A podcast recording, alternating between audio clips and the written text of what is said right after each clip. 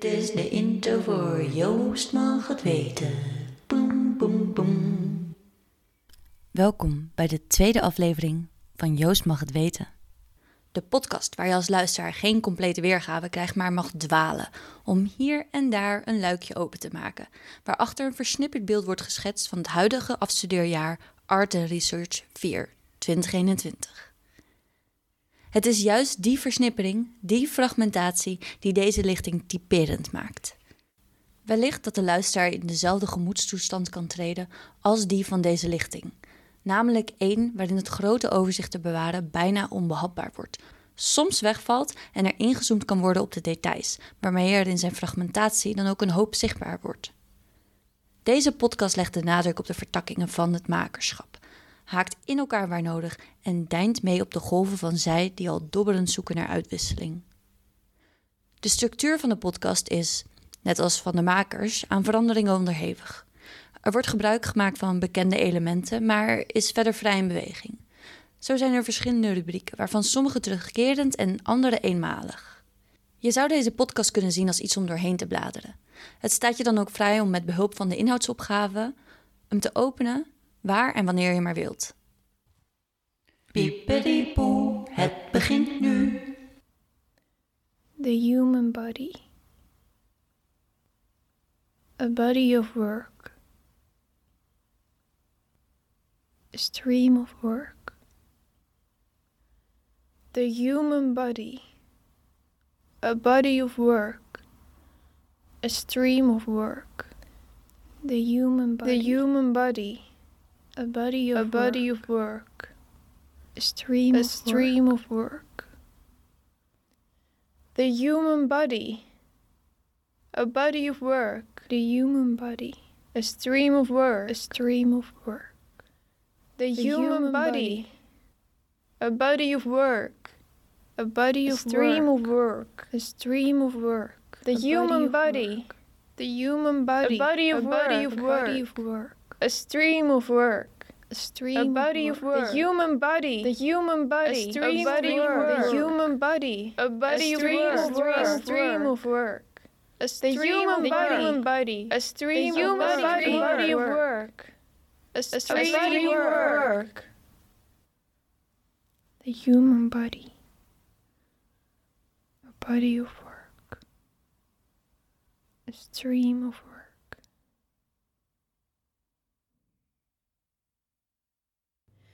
Wat is bloot zijn en wat is naakt zijn in de kunst?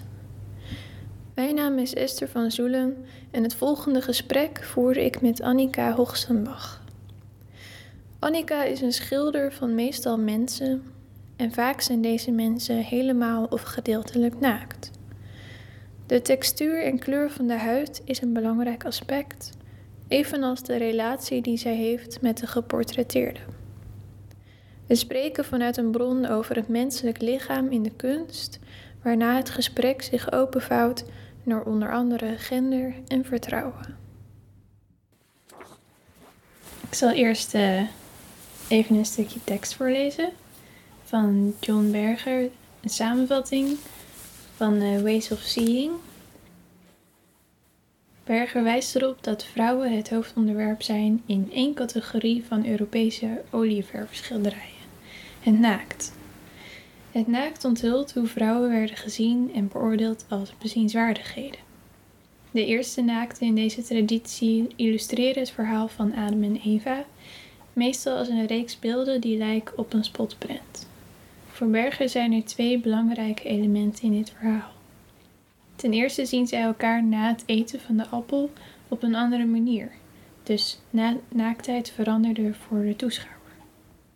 Ten tweede krijgt de vrouw de schuld en wordt zij bij wijze van straf onderdanig gemaakt aan de man. Tijdens de Renaissance verdween het verhaal in schilderijen en in plaats daarvan werd één enkel moment getoond, meestal het moment van schaamte. De schaamte is echter meer gericht op de toeschouwer dan op elkaar. Geleidelijk aan werd de schaamte een soort vertoon. Zelfs toen men wereldlijke onderwerpen begon te gebruiken, bleef de implicatie bestaan dat de vrouw zich ervan bewust was door de toeschouwer te worden gezien.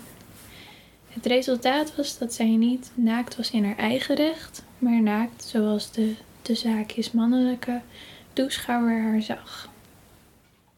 Berger geeft een reeks voorbeelden.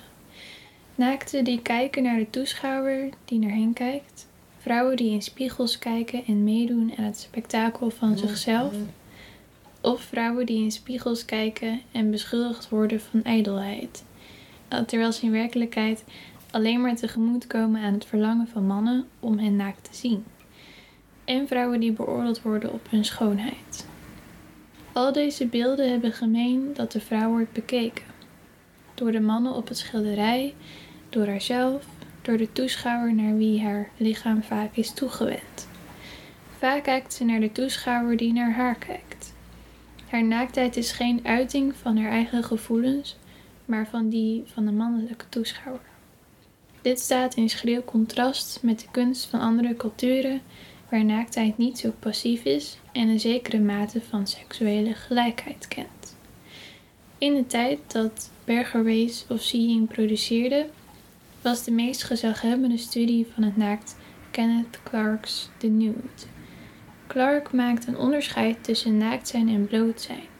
Voor hem is bloot zijn eenvoudigweg het zonder kleren zijn.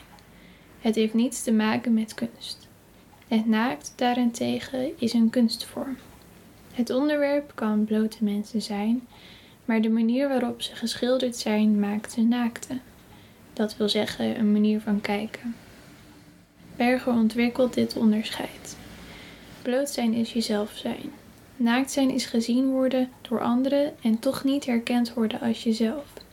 Een bloot lichaam moet gezien worden als een object om een naakt te worden. Dat was een deel van de tekst. Duidelijk. Herken je dat verschil tussen bloot zijn en naakt zijn? Ja, ik denk ehm, dat je heel vaak eh, weet wanneer je naakt bent. Dus wanneer je, je opeens weer bewust van, bent van je lichaam. Hm. Dat bijvoorbeeld wanneer je, nou, je, je bewust van bent dat andere mensen het kunnen zien. Of wanneer je ze- jezelf bekijkt, zonder de douche of zo. En ik denk dat momenten van bloot zijn bijna aan je voorbij gaan. Omdat het momenten van onbewustzijn zijn.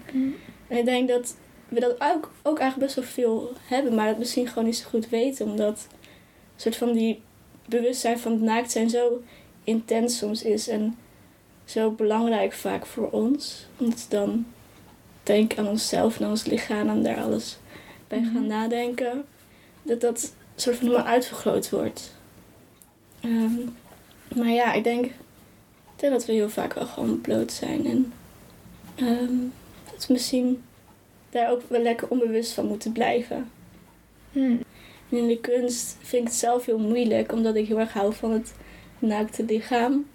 En de huid en gewoon het schilderen ervan, of tekenen. Hm. Alleen inderdaad, ik maak er dan wel naakte van, want ik aanschouw het. En ik denk dat het eigenlijk onmogelijk is om een bloot lichaam af te beelden. Omdat je er dan zo heel erg bij stilstaat. En Ja, ja. ik denk het wel. Ik zat eerst na te denken, misschien is een zelfportret waarin je bl- bloot bent eh, wel een echte bloot. Maar ja, dan Mhm. kijk je nog steeds ook naar jezelf. Dus dat Ja. maakt het dan weer naakt. Ja, ik zat ook nog te denken, wat als je iemand afbeeldt die heel actief met iets bezig is. Dus dat het meer gaat misschien om de handeling dan het lichaam. Ja, ja, dat kan wel. Er is een werk van Gauguin die ik heel mooi vind. Die heet Studie van een persoon die naait. Daarbij zie je een vrouw op een bed die iets naait, borduurt misschien zelfs. En ze is naakt toevallig. En ik vind dat schilderij heel mooi, omdat ze dus heel erg bezig is met, Hm. met dat naaiwerkje. En voor haar gaat het daar ook over, maar wel meer aan Gauguin denkend, denk ik wel dat ze bewust misschien daar is neergezet. En ik denk Ja. dat je dat ook wel kan voelen. ja, dat het niet toevallig naakt is. Ja, ik denk, ik denk dat ik heel graag zou willen dat het toevallig is. En dat het daarom een mooie werk is. Maar als ik beter over nadenk, denk ik nee, dat zij is gewoon daar neergezet. En Hm. het is helemaal ge- geposeerd. Maar ja, ik denk zeker dat de blik van inderdaad het model of de, de subject heel belangrijk is. En Hm. probeer daar zelf in mijn werk de laatste tijd wel ook een beetje naar te kijken. Waar, waar kijken ze naar en breekt dat met de traditie of niet? De traditie houdt er misschien in dat het onderwerp de kijker niet aankijkt? Of juist wel? Mm, nou, in, in veel schilderijen, veel renaissance schilderijen, kijkt uh, de geportretteerde vrouw juist de toeschouwer aan. Mm Maar soms ook weer niet. Maar dan is haar lichaam vaak wel gekeerd toch weer naar de toeschouwer. Dus er is altijd wel iets wat naar Oh, de ja. toeschouwer gaat. Om een soort van ehm, aandacht te trekken. Dus dat, daar is variatie in. En soms vraag ik mezelf af van... Oké, maar als dan...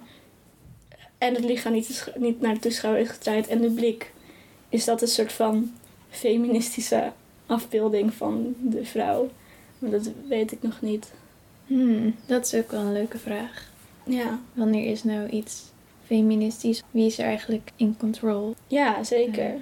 Die controle vind ik wel heel interessant. Ehm, want je kan ook denken als het model zelf kiest hoe het gaat Mhm. staan.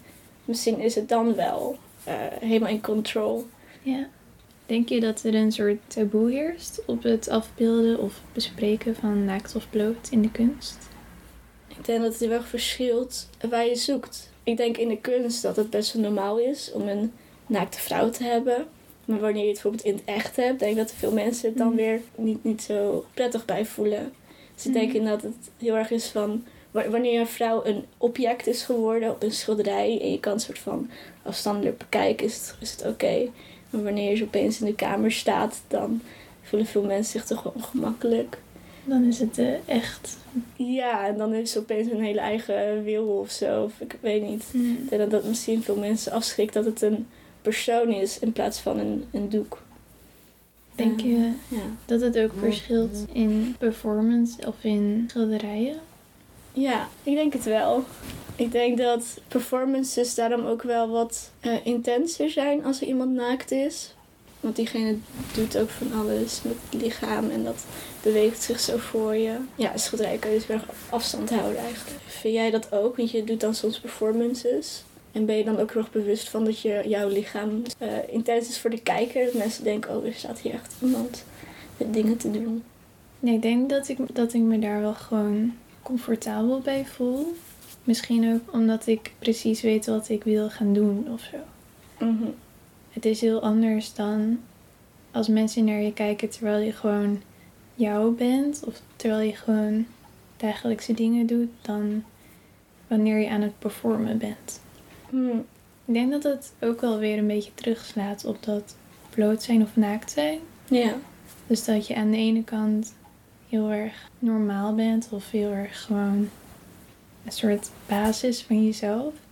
En het andere is dan heel erg dat je van tevoren hebt bedacht, ik ga dit specifieke ding doen om- omdat ik het wil tonen. En dat het dan ook wordt gezien. Ben je dan, als je het toont, ook dus heel erg de baas? Ehm, ja, ik denk het wel. Denk je dat er manieren zijn om die verschillende vormen te benaderen? Door erover te spreken bijvoorbeeld. Ja, ehm, ik ehm, denk dat in schilderkunst en tekenkunst dat het zeker wel een manier is. Alleen ik hou zelf heel erg van die vormen wanneer ze voor zichzelf spreken. Dus wanneer je een schilderij hebt gemaakt waarover je niet eens hoeft te lezen dat het dus dat inhoudt, maar dat je het gewoon meteen kan zien. Dus ja, ik denk wel zeker dat het belangrijk is om over te schrijven, maar het is voor mij niet mijn voornaamste doel. En ja, ik kom dan op die kunstenares. Alana Pares heet ze, geloof ik. Mhm. Bij haar krijg ik meteen het gevoel, ook al heb ik eigenlijk niks over haar werk gelezen, dat zij eh, naaktheid doorbreekt en mensen bloot afbeeldt. Omdat ik zie haar vaak twee vrouwelijke figuren afbeelden. En ik krijg heel erg het idee dat dat haarzelf met haar vriendin is. En dat weet ik absoluut niet zeker. Maar er is iets in die tekeningen. eh, ze maakt pastel, tekeningen met pastelkrijt en houtskool. En ehm, wat mij gewoon het gevoel geeft dat het gewoon echt een tekening is waarin ze haar geliefde wilde afbeelden met haarzelf in een omhelzing. En voor mij doorbreekt dat echt het naakt. En is het gewoon twee mensen bloot in een badkuip. Ja. Ja, misschien ligt het er dan aan dat je twee mensen nodig hebt in, in het beeld. Dus dat ze heel erg er zijn voor elkaar en niet voor de kijker. Ja. En dat het daardoor bloot is in plaats van naakt. Ja, ik vind dat wel een heel interessant punt inderdaad. Ik denk wel dat je dan inderdaad die mensen op, op, het werken geeft dan inderdaad hun liggen aan elkaar en niet aan de, aan de toeschouwer. Maar waar ik dan ook wel aan denk is dat er heel veel erotische werken zijn van twee vrouwen die dingen doen. En dan is het wel wat, ehm, wat meer naar de kijker. Maar wat ik me wel net te binnen schoot is dat nog steeds op de manier hoe je die lichamen positioneert. Dus je ziet bijvoorbeeld bij porno dat het heel erg is voor de, voor de kijker. Omdat bijvoorbeeld lesbische porno is heel erg zo. Dit is het vrouwelijk lichaam en bekijk het en wordt daar geil van. Maar ik denk dat wanneer je zo'n eerlijke afbeelding hebt, dat het helemaal misschien niet zo boeiend is om naar te kijken. Of ja, misschien wel, maar op een andere manier. En misschien dat je er ook wel helemaal niet geil van wordt. Dat het gewoon ehm, twee vrouwen zijn die gewoon iets doen. En dan dat het lichaam ook niet per se gekeerd is naar de toeschouwer, maar gewoon, ja, weet ik veel, doet wat het zelf ja. wil doen. Ja. Dat de intentie heel anders is. ja, zeker. En dan is het natuurlijk ook wel de vraag of, of die intentie dan ook overkomt op de kijker. Of dat als je een blote vrouw laat zien terwijl je hoopt dat het alleen maar gaat over wie ze is of wat ze doet.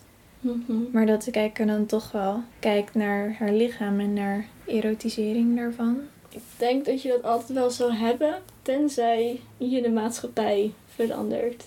En als Ja. je in de maatschappij het beeld van dat een vrouw altijd erotisch is als ze naakt of bloot is, als je dat verandert, dan verandert de kunst ook. Want de mensen die naar kunst kijken, die maken dus dat dat, dat betekent.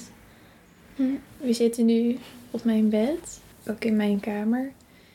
En vind je dat misschien op een manier ongemakkelijk of doet het je denken aan bijvoorbeeld naakt zijn of schaamte? Ja, ik was erover na aan het denken. En waar het mij heel erg aan doet denken is dat toen ik nog bij mijn, bij mijn ouders woonde, dan ging ik vaak met, met vrienden gewoon op mijn kamer zitten. Want dat, heb je eigen plek. En ik had niet een bank of zo, ik had gewoon een bed. En dan ging je vaak gewoon op je bed zitten om daar te chillen. En nu ik uit huis ben, heb ik inderdaad met- met een bed, maar ook met een bank en een stoel en een tafel. En dan, dan keer het helemaal om, want dan is dat op het bed zitten misschien wel ongemakkelijk. En heeft het wel een soort van erotische lading. Dat, dat, ja, je hebt gewoon een optie om ook op, op de bank te zitten. En die extra optie maakt het misschien een beetje ongemakkelijk. Ja, waar ik eh, wat ook te te binnen schiet, is dat ik ook heel erg die grens met, tussen het lichaam probeer te doorbreken. Omdat het lichaam is blijkbaar iets wat behoeftes heeft aan gewoon warmte en aan aanraking van een ander. En op dit moment zien we dat heel erg als iets wat is voor binnen de liefde. Maar als je toevallig geen partner hebt, Ehm, dan ja, het zou gek zijn als je dan nooit die aanraking aan zou kunnen gaan. En ja, waarom zou dus binnen vriendschap of gewoon die aanraking of, een bepaalde vorm van erotiek niet gewoon kunnen? Ja, het is soms ook maar iets kleins te zijn, denk ik. Ik denk wel dat in bijvoorbeeld vriendschappen dat het belangrijk is om elkaars intenties te weten. Ik wil je gewoon graag knuffelen, maar daarna hoeft er voor mij niks meer te komen. Of juist wel als je dat wil. Ja, ik denk dat, dat die openheid ook wel nodig is voor fysieke openheid. Ja, nee, dat is wel ook een heel goed punt. Want je kan wel inderdaad het idee hebben dat gewoon aanra- aanraking erbij hoort en dat bij iedereen doen. Maar er bestaat inderdaad nog steeds iets als echt erotiek. En er zijn ook nog steeds mensen die daarheen willen gaan. En je weet het inderdaad nooit. Dus communiceren Ja. erover is wel heel belangrijk. Wat ik ook nog wilde zeggen is het openstellen van dat we hier dan zitten op zo'n bed. Is denk ik ook een vorm van openheid of van het, delen van je ruimte of van je, van je eigen plek. Ja, ik denk sowieso door inderdaad gewoon echt die uitnodiging aan te gaan. En dat gewoon te communiceren dat dat inderdaad iets, iets moois is. En het bed is ook een hele mooie plek eigenlijk. En ook mooi dat iemand dan daarop in wil gaan. Ja, ja zeker. Ik had hierna nog een vraag genoteerd die weer even teruggaat naar een groter plaatje. In de maatschappij denk je dat er een verschil moet komen in hoe mensen kijken naar vrouwelijk of mannelijk naakt. Ja, dat denk ik echt zeker. Ik ben zelf, denk ik vaak aan een... Dat je bijvoorbeeld de, vrouwelijke erotiek wat meer geeft aan, aan het mannelijke kant. Want er is weinig echt erotische mannelijke kunst. Of Hm. eh, je hebt wel fotografie, maar in schilderkunst vind ik dat best wel weinig. Ik ben ook echt erotisch op een soort van vrouwelijke manier. Sierlijk. Mhm. Ehm, en, en als je ook een beetje dat van dat mannelijk naakt, dat bloot, wie je het ook noemt, teruggeeft aan de vrouw, dan kan je het een beetje gelijkstellen. En dan hoeft de vrouw niet continu geërotiseerd en geseksualiseerd te worden. En dan moet het mannelijk lichaam ook niet worden. Dat zou ook weer heel, heel stom zijn. Geen enkel lichaam moet altijd geseksualiseerd worden. Maar ik ben zelf gewoon voor het echt heel erg gelijkstellen van, van die lichamen. En Hm. het zou heel fijn zijn dat ook buiten de kunst, dat, dat je als vrouw iets bloots doet met je lichaam, dat dat nog niet meteen naakt is. Dat je ook in verschillende kringen, dus niet alleen in hechte kringen, maar ook gewoon andere kringen, eh, bijvoorbeeld gewoon topless kan zwemmen of iets. En dat dat niet meteen heel heftig is. Ja, dus dan misschien ook dat gelijkstellen van mannen en vrouwen. Dat je bijvoorbeeld iets van de vrouwelijkheid van de vrouw dan geeft aan de man. Of dat ook ziet in mannen. Of dat je in vrouwen juist ook componenten van kracht of van standvastigheid kan zien, wil zien. Ja, ja ik denk ook zeker niet dat eh, mannelijk staat voor krachtigheid en vrouw voor sierlijkheid of iets. Absoluut niet. Maar dat is net wel hoe we het op dit moment nog zien. En ik denk gewoon dat je eh, moet zijn eh, hoe je wil zijn. En dat we als maatschappij die blik gewoon een beetje moeten veranderen. Dus dat je misschien vooral kijkt naar wat is deze persoon in zichzelf. Niet wat het zou moeten zijn.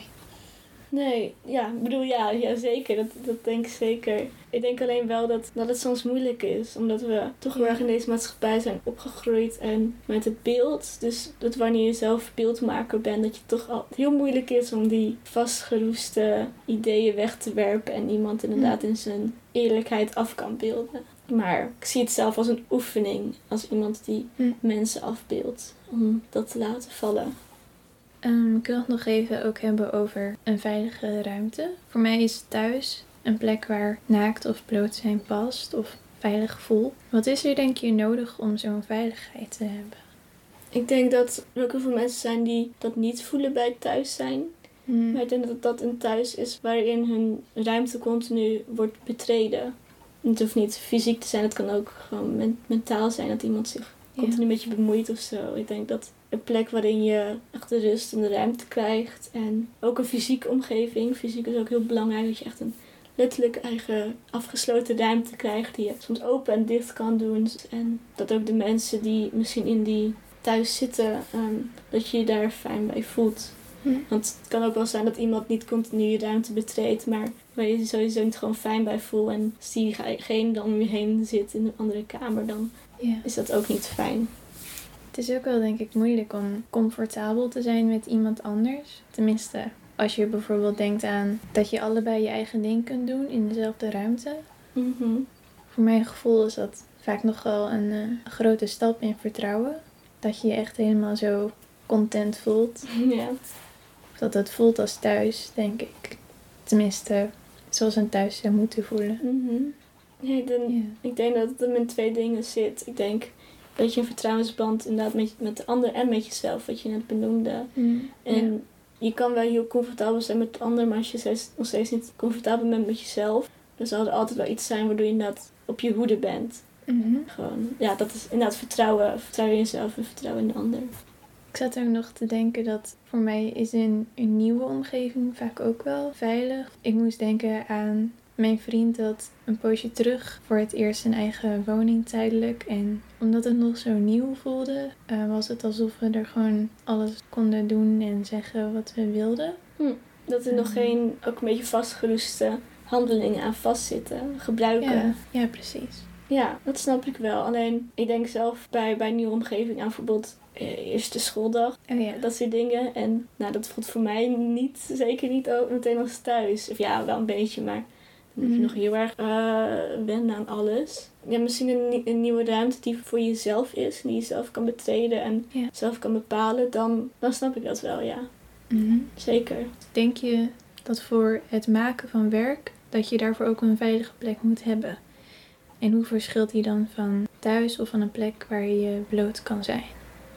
Ja, ik denk het wel. Eh, je weet niet waar je creativiteit vandaan komt. En bijvoorbeeld, ik vind het zelf eigenlijk helemaal niet fijn om op school, op de kunstacademie, werk te maken. Omdat ik echt eh, een ruimte heb waar ik niet gestoord word en lekker muziek kan luisteren en gewoon een beetje mee kan zingen en een beetje kan verven, maar soms ook er klaar mee kan zijn en dan gewoon kan naar buiten kan staren. En ehm, dat moet echt een ruimte zijn waarin of niemand is of mijn ateliergenoot. En ik, ik merk dat dan pas inderdaad echt die creativiteit de vrije loop kan gaan. Omdat je dan niet steeds bezig bent met, met de ander. En ja, en ik, op, een, op een plek die je helemaal niet fijn voelt, dan voel je je gewoon continu naar. En dat, dat kan misschien ook wel jezelf uitdagen. Maar voor mij persoonlijk als maker is dat gewoon niet zo eh, hoe ik te werk ga. Ja, ik voel dat ook wel een beetje. Ik denk dat elk kamertje of ruimte die gewoon leeg is, daar zou ik wel kunnen maken, Hm. denk ik. Maar het is inderdaad, wil je je afzonderen en concentreren of wil je juist praten en wil je ehm, met de anderen, zeg maar, zijn Mhm. in dezelfde ruimte? Het ligt er misschien ook wel aan in welke fase van je proces je bent. Ja, Ik kan me voorstellen dat als je inderdaad opeens naar een andere ruimte moet, maar je was al bezig met iets, dat je het gewoon kan doorpakken.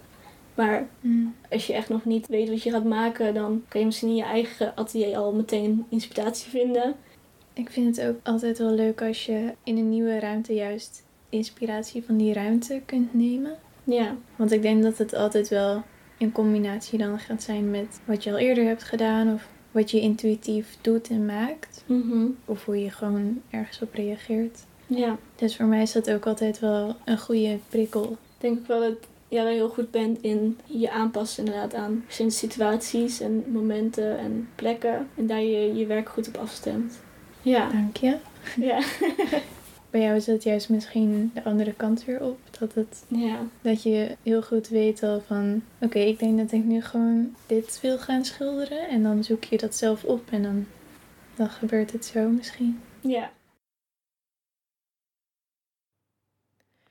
Over seks spreken in woord en beeld vind ik een fragiel spanningsveld, waar ook kracht bij komt kijken. Maar misschien is het ook goed om naar seks te kijken gewoon zoals het is. Mijn naam is Esther van Zoelen en het volgende gesprek voer ik met Niels Roest. Een kunstenaar met een minimalistische esthetiek die zijn existentie en de tijdelijkheid bevraagt. Dat doet hij onder andere door banale acties uit te voeren en zijn eigen lichaam in te zetten in onder andere video's. Welkom Niels bij dit gesprek. Ehm, ja, ik wil eigenlijk beginnen met een filmpje. Eh, daar zit ook geluid bij. Mhm. En ik zal het even kort introduceren. Het is het werk eh, Mirror van Fiona Banner. Er is eigenlijk te horen hoe ze een portret heeft gemaakt van een andere vrouw die naakt was. En dat heeft ze gedaan in woord. Dus dat ga ik gewoon even aanzetten. Nails shell pink. Her tits spill out from behind her massive hands. The shadow strikes her side. Her profile is electric. Arms moon white. Both feet pacing forward, foreshortened, kind of classical. Thin, papery arches exposed, legs strong, kicked back, veins showing through the skin like fluorescent roots. I like that. Her face is tilted, dark in its own shadow, lips parted as if to speak. Glimmer of a bone, white tooth. One hand absently stroking the back of her neck like it's somebody else's funnier. Undo. A tuft of dusty hair on her ochre forehead. And then she looks up. Light making two mirrors in her black eyes. Smiling, not smiling, smiling. Cheek creased on one side. She twists her whole body, waiting to find a pose. For a moment, her hands clasp her tulip face, then they rest on her hips. Scuffed elbows pointed out to the side. Her tits fall out onto her chest, warm against the deadpan wall. Nipples erect, lip pink. Breathing and then blinking shadow. Head thrown back, eyes like jewels, a, a comma above each. Her waist curves in, then out. Wide hips, stretching a baby foot stomach. Muscles taut over haunches. Magnolia hips nudging the dark around her, skin the colour of bruised peach. Knees a knot of shadow. Knees that have been held on. Ribs making zebra shadows. Hollow grey where her diaphragm bellows. A tapering crack of blue-black shadow between her thighs. An arrow to her cunt. Cubes, a zillion lines twisting to a soft quiff. A crazy scribble of shade collecting at the seam of her thigh and growing onto her stomach. All shadows pouring into her navel, darkest full stop. Right in her middle, the beginning and the end. Dat was het filmpje. Ik was nog iets vergeten te zeggen. Want eh, Oh. ja, het werk is dus van eh, Fiona Banner. Mhm. Maar de vrouw die dit voorleest is eh, de vrouw zelf die beschreven is. Dus ze leest eigenlijk voor wat Banner over haar heeft geschreven. dat verandert Ehm, alles. Ja, dat is nog wel een, Ja. een belangrijk ding. Ja, ik, Ja, ik, ik eh, vond het al een beetje raar hoe ze dus het, het voorlas. Dat is ook elke keer best wel een soort van bijna vermoeid. Elke keer met de handen in het haar. Zo'n, oh, het staat hier allemaal geschreven of zo. Ja. Best wel zo'n, oh. ja. mhm. Maar daarom, ik zat net al een beetje geïrriteerd. Zo, van dat iedereen zo zat uitbundig te klappen en te juichen en zo.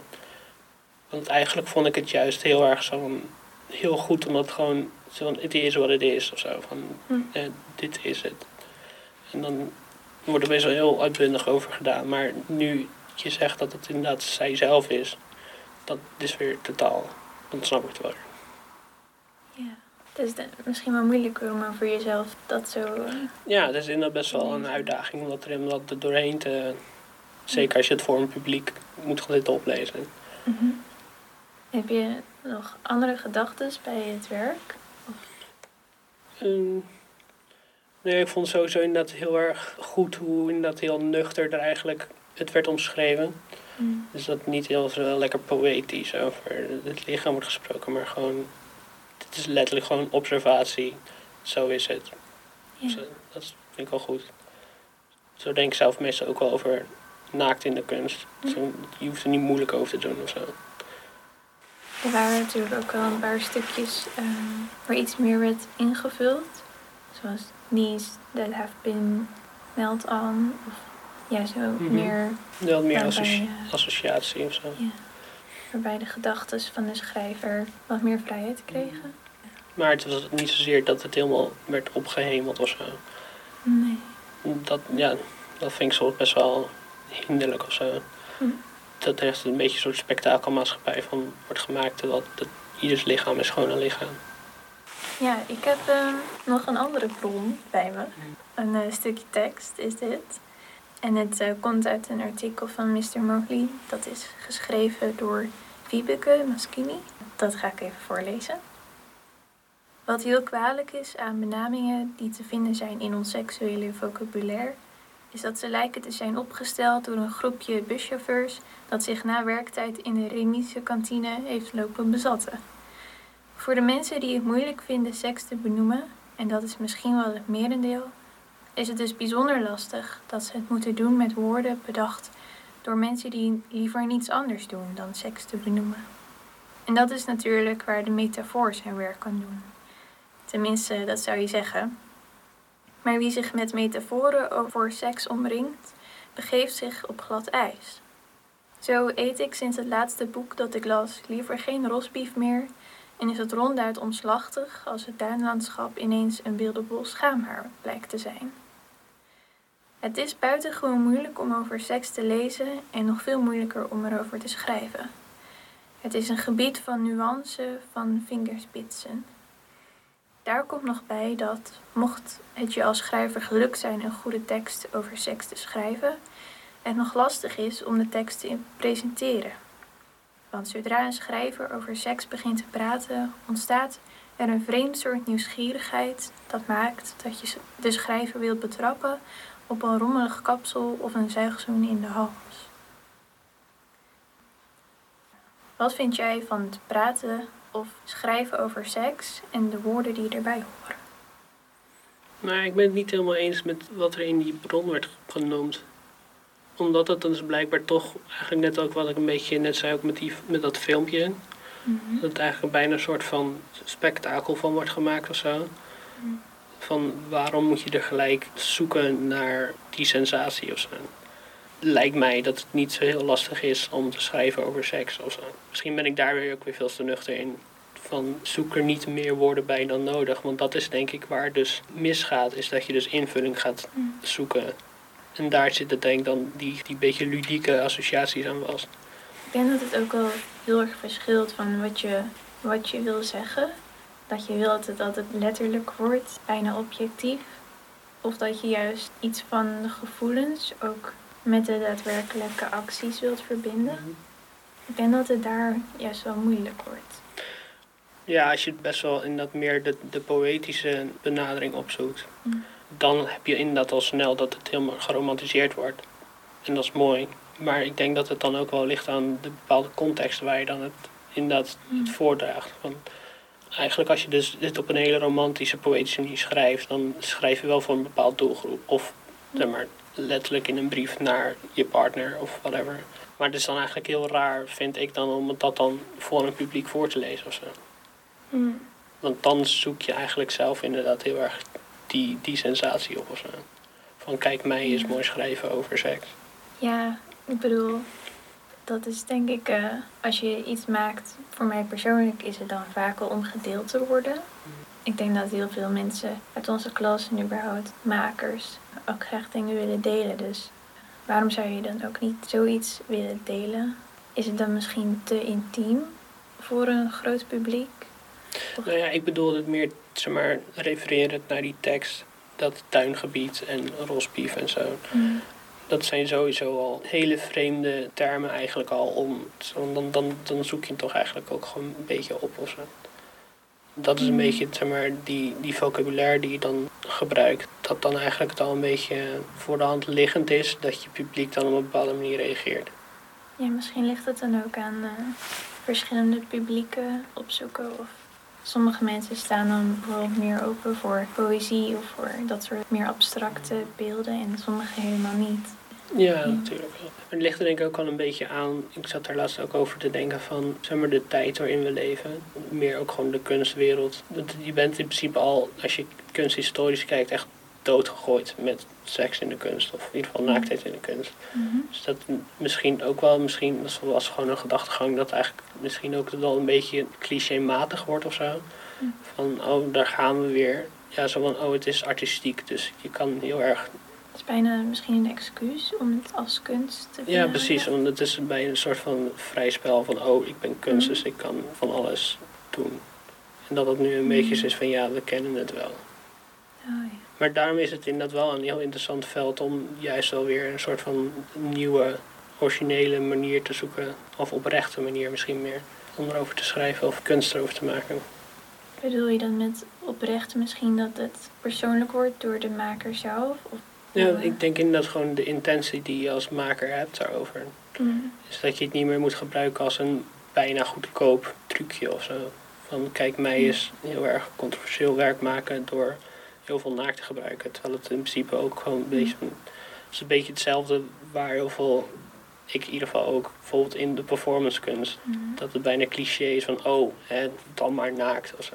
Dat het eigenlijk Ja. totaal niet meer een bepaald nut heeft, maar gewoon om het feit dat je performatief kunst maakt. Van, dan rennen we wel weer naakt tegen de muur aan of zo. Dan, kom op. Maar dat je inderdaad gewoon veel meer die intenties opzoekt van... maar waarom, welk doel heeft het in je praktijk of in de kunst? Dat is interessant. Het staat eigenlijk wel een beetje aan met de volgende vraag. Of je het dus belangrijk vindt dat er een eigen vocabulaire voor, eh, voor komt. Nou ja, ik denk dat er wel met eenzelfde serieusheid ernaar ge- gekeken moet worden en gesproken moet worden als naar elk ander vorm van kunst. Misschien spreek ik mezelf nu wel weer tegen of zo, maar als het inderdaad echt met de intenties van de kunstenaar is gekozen om zoiets te doen, neem dat dan ook serieus. En Mm. maak het dan niet in dat weer ludiek als reactie op. Ja, het is natuurlijk wel moeilijk dat eh, je al in zo'n oeuvre komt of in een eh, geschiedenis. Dan is het denk ik ook wel belangrijk dat voor zo'n nieuwe, nieuw werk dat erbij kan horen of weer nieuwe manieren onderzoekt. Dat dat dan ook niet wordt weggezet als, oh daar heb je weer werk over seks. Maar ik snap wel dat het wel kan gebeuren. Want in de beeldentaal, dat is heel erg hetzelfde. Het zijn allemaal naakte lichamen eigenlijk. Ja, maar hoe je dat dan benadert. Ja, ik vind sowieso wel opvallen ook in de academische sfeer dan de laatste tijd. Is dat er eigenlijk bijna niet met naakt wordt gewerkt. Klopt wel. Ik heb dan ook best wel vaak daar dus niet vaak, maar wel eens gesprek over gehad met oud-studenten. Hm. Dat sommigen gewoon eigenlijk een hele klas al een keer naakt heeft gezien. Gewoon vanuit projecten. En dan vergeleek ik dat met bijvoorbeeld onze klas. En dat was dan, niemand heeft ooit serieus met naakt gewerkt, volgens mij. Mm. Zover ik me kan herinneren. Dus blijkbaar zit er ook wel een bepaalde tijdsgeest of zo. Ja, vaak als je daar nu het over hebt, dan ga je al gauw naar die, naar die genderdiscussie. Mm. Feministische motivatie, maar niet zozeer over seks. Dat vond ik wel opvallend. Ik ben nu zelf ook wel een beetje bezig geweest met intimiteit en met die hoek. Ik sprak laatst met iemand over een werk en daarbij kwam feminisme ook heel erg naar voren en een soort ideaalbeeld van de vrouw. Maar daar ontkom je dan ook eigenlijk niet aan. Zelfs als je dat, eh, als je dat zelf niet voor ogen hebt of niet bedoelt, is dat ook wel moeilijk. Ja, dus dat is eigenlijk dan weer die tegenhanger van, Ja, van die bron van net. Van het is al gauw heel erg bijna ludiek of een beetje sensationeel. Aan de Mhm. andere kant ga je ook gelijk die discussie in van genders en feminisme. En terwijl dat je misschien als maker daar helemaal niet naartoe wil. Zou je misschien in je eigen werk ook kunnen of willen spreken of beeld maken dat gaat over seks?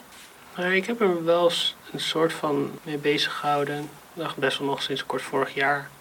deed ik daar ook al werk over. Vooral ook omdat ik toen ook bij mijn Mino bijvoorbeeld heel veel modeltekenles had. En daar deed ik ook een beetje studie naar van die verhoudingen eigenlijk tussen het model en de, de kunstenaar. Daar heb ik ook best wel veel projecten over gedaan, ook met geluidskunst. Dat ik een tekening maakte, maar daar alleen het geluid van opnam. Van Mm. het, het tekenen van het model. Want daar zit wel een heel spannend speelveld in eigenlijk. Ja. En daar heb ik ook best wel in geëxperimenteerd door het bijvoorbeeld ook gewoon om te draaien. Dat ik gewoon zei van tegen het model wel gewoon in, in overleg van ja, en wat als jij mij, mij nu natekent? Dat je gewoon het, het omdraait. Mm. Dus dat jij opeens weer, weer die kwetsbare houding aan moet nemen. En dat soort dingen ben ik wel mee bezig geweest. Maar niet zozeer seks op zich als onderwerp. Mm. Omdat ik eigenlijk daar gewoon wel gewoon heel nuchter over ben. Van het is gewoon wat het is. Dus daar liggen niet zozeer artistieke motivaties of zo. Dus in waar je toen mee bezig was, ging misschien meer over het lichaam zelf. Ja, het was inderdaad vooral over eigenlijk net wat ik ook zei van om meer die, inderdaad die verhoudingen gewoon weer gelijk te trekken. Mm. Want Dat deed ik wel vaak met die experimenten, dat er ook al vrienden waren die ik dan tekenen. Hm. En dat vond ik dan ook wel interessant. Waarom eigenlijk? Nou ja, ik vond het omdat je als je dus gewoon een model regelt, dan zit je al sowieso met een hele kwetsbare verhouding. Want je Mhm. kent elkaar niet of nauwelijks, of meer op een veel meer zakelijke Ja. basis. En ik vond het juist veel interessanter om ook een beetje die, die relatie. Je, je hebt al een, meer een, een soort van vertrouwensrelatie als je gewoon Hm. met vrienden werkt. En door die manier veel meer ook gewoon de ruimte te geven en te nemen eigenlijk over wat kan en wat niet. Of zo. Misschien dat je dan duidelijker kan zijn in je grenzen ook. Ja, dat, Hm. dat vooral. Ik vind het wel grappig dat je zegt dat eh, met iemand die je niet kent, dat het juist meer kwetsbaar is. Nou ja, als je het zou, zeg maar, het zou omdraaien. In ieder geval Ja. gaat spelen met die, met die verhouding. Ik bedoel, zeg maar, als je daadwerkelijk gewoon eh, een modeltekensessie zou doen, Mhm. dan is het juist eigenlijk helemaal niet kwetsbaar. Want iedereen Ja. weet gewoon zijn positie.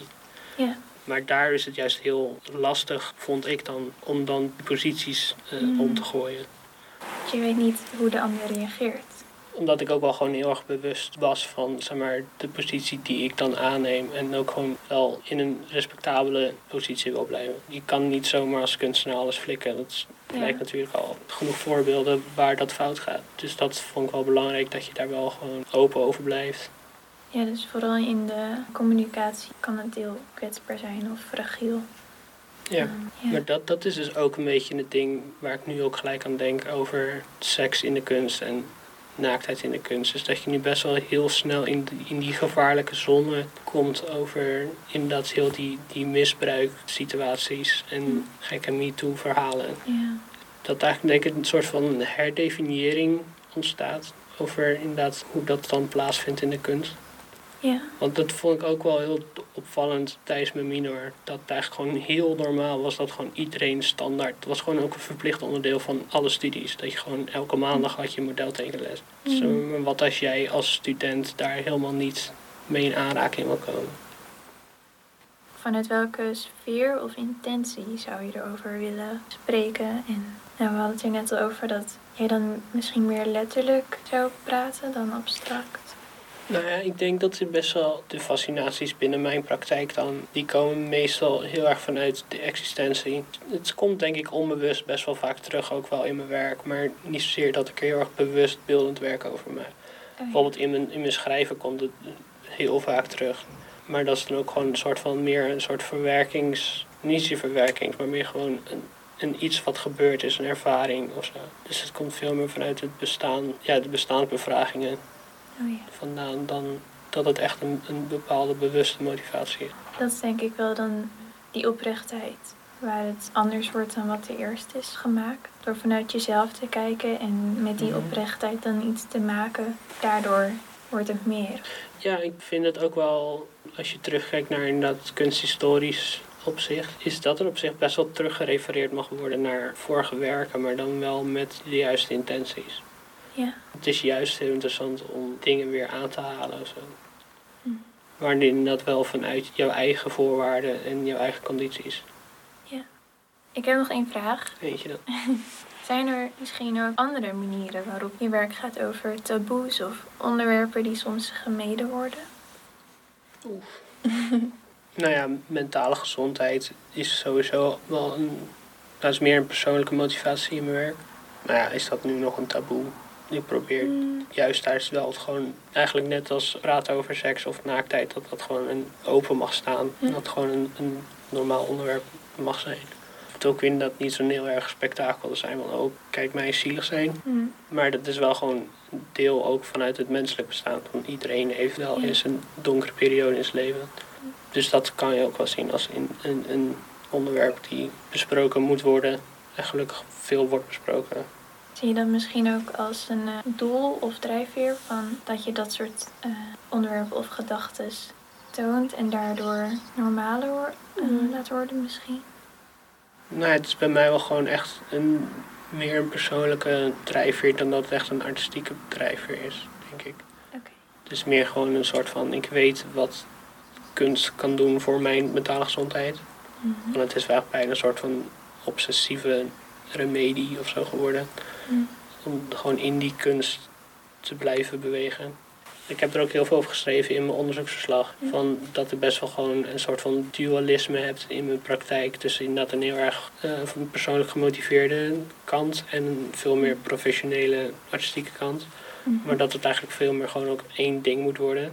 Maar ik vind het nog heel lastig om inderdaad dan veel meer ook die persoonlijke kant er veel meer directer in, in te laten zien. Omdat ik niet diegene wil zijn die heel erg zo'n problematisch motief wil hebben. Ja, dat snap ik wel. Ja, ik denk zelf dat door kwetsbaarheid dat je juist ook kracht kunt laten zien. Maar ja, de, de manier waarop is dan voor iedereen weer Ja, anders. wat dat betreft slaat het ook wel weer heel goed terug op inderdaad intimiteit en seks. Omdat je daar ook Mm. best wel toch heel erg kwetsbaarheid blootstelt. Maar dat je daar toch wel weer in die kunst best wel gewoon er heel sterk werk uit kan halen. Ja, ik denk het wel.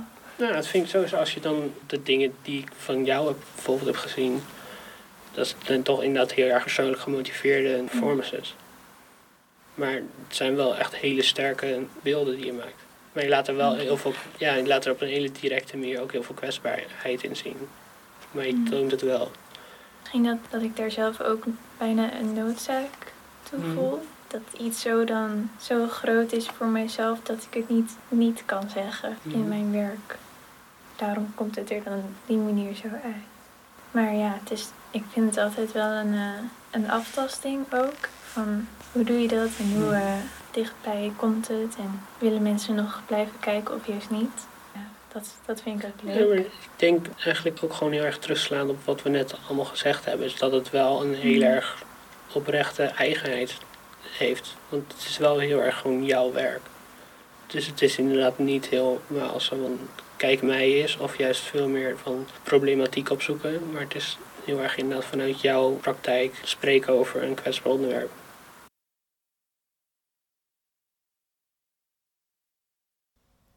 Heel erg nu.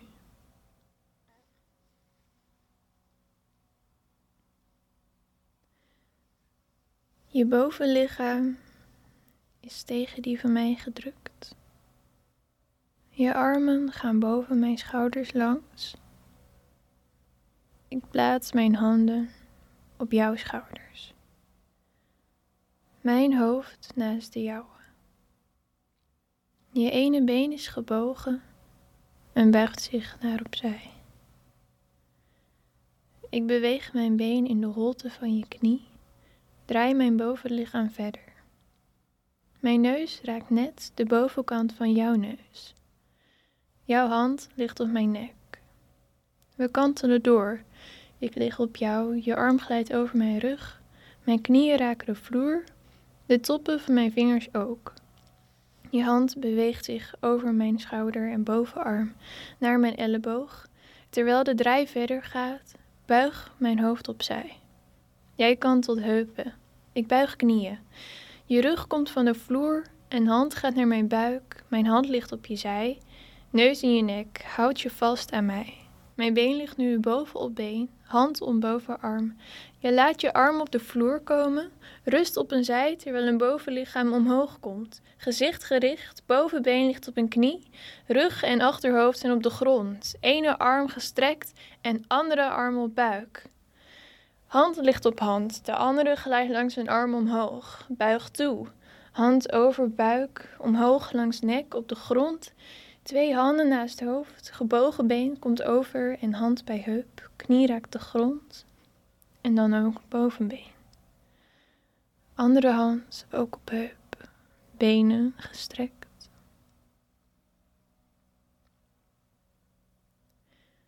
De strekking is dat jij en ik verder gaat, niet meer bestaat. Laat je om en om en om en omwentelen in wat eerst mij heette, wat ik ben vergeten. Eenzijdig en alleen is niet hier en nu, maar een moment in toen, in voor ik je kuste, voor jij mij, voor wij bewegen zijn. Elkaar verkregen, verder geroepen naar een heel erg één, naar een heel erg nu.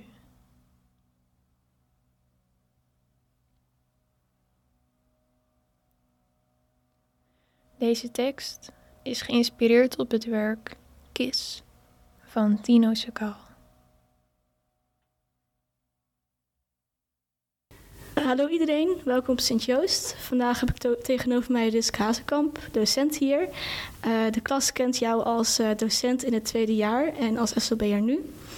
Een nieuwsgierige en open houding naar de studenten kenmerkt jou. En zelf heb je op de Willem de Koning en Jan van Eyck Academie gestudeerd. En vorig jaar ben je geslaagd voor de opleiding Advanced Master of Research in Art and Design op Sint-Lucas. Ehm, ja, hoe was het voor jou om op eh, Willem de Koning en Jan van Eyck te studeren? Kan je dat nog een beetje terughalen? Ja, nog een klein beetje. Oké, de, ervaring was vrij positief. Ehm, en dat is dus, dus hoe ik vanuit... Hè, ik, kwam, ik kwam vanuit de eh, gewoon vanaf VWO en ik ging naar de kunstacademie. En de hoeveelheid vrijheid, het op kamers gaan, het ehm, eh, uiteindelijk bezig zijn met datgene waarvan je zelf denkt en vindt dat het het belangrijkste is, dat, dat was heel positief. Ja, Maar dat zegt nog niks over de academie. Nee, nee. Bijvoorbeeld, ehm, wat voor werk maakte, maakte je eigenlijk toen? Uh, ik, ik, was een, ik, ik, wilde ik wilde met fotografie bezig zijn. Oké. En op dat moment was dat analoge fotografie, omdat digitaal überhaupt nog niet bestond. Um, maar ik had nog een tweede eis en dat was dat ik in Rotterdam wilde studeren. Dus het was voor mij sowieso zeker van ik ga niet, uh, ik wilde niet naar, uh, je kan ook natuurlijk naar de fotovakschool of, of hoe heette dat toen de tijd in, in Den Haag of, of ik had naar Amsterdam kunnen gaan of zo. Nee, ik wilde in Rotterdam studeren fotografie.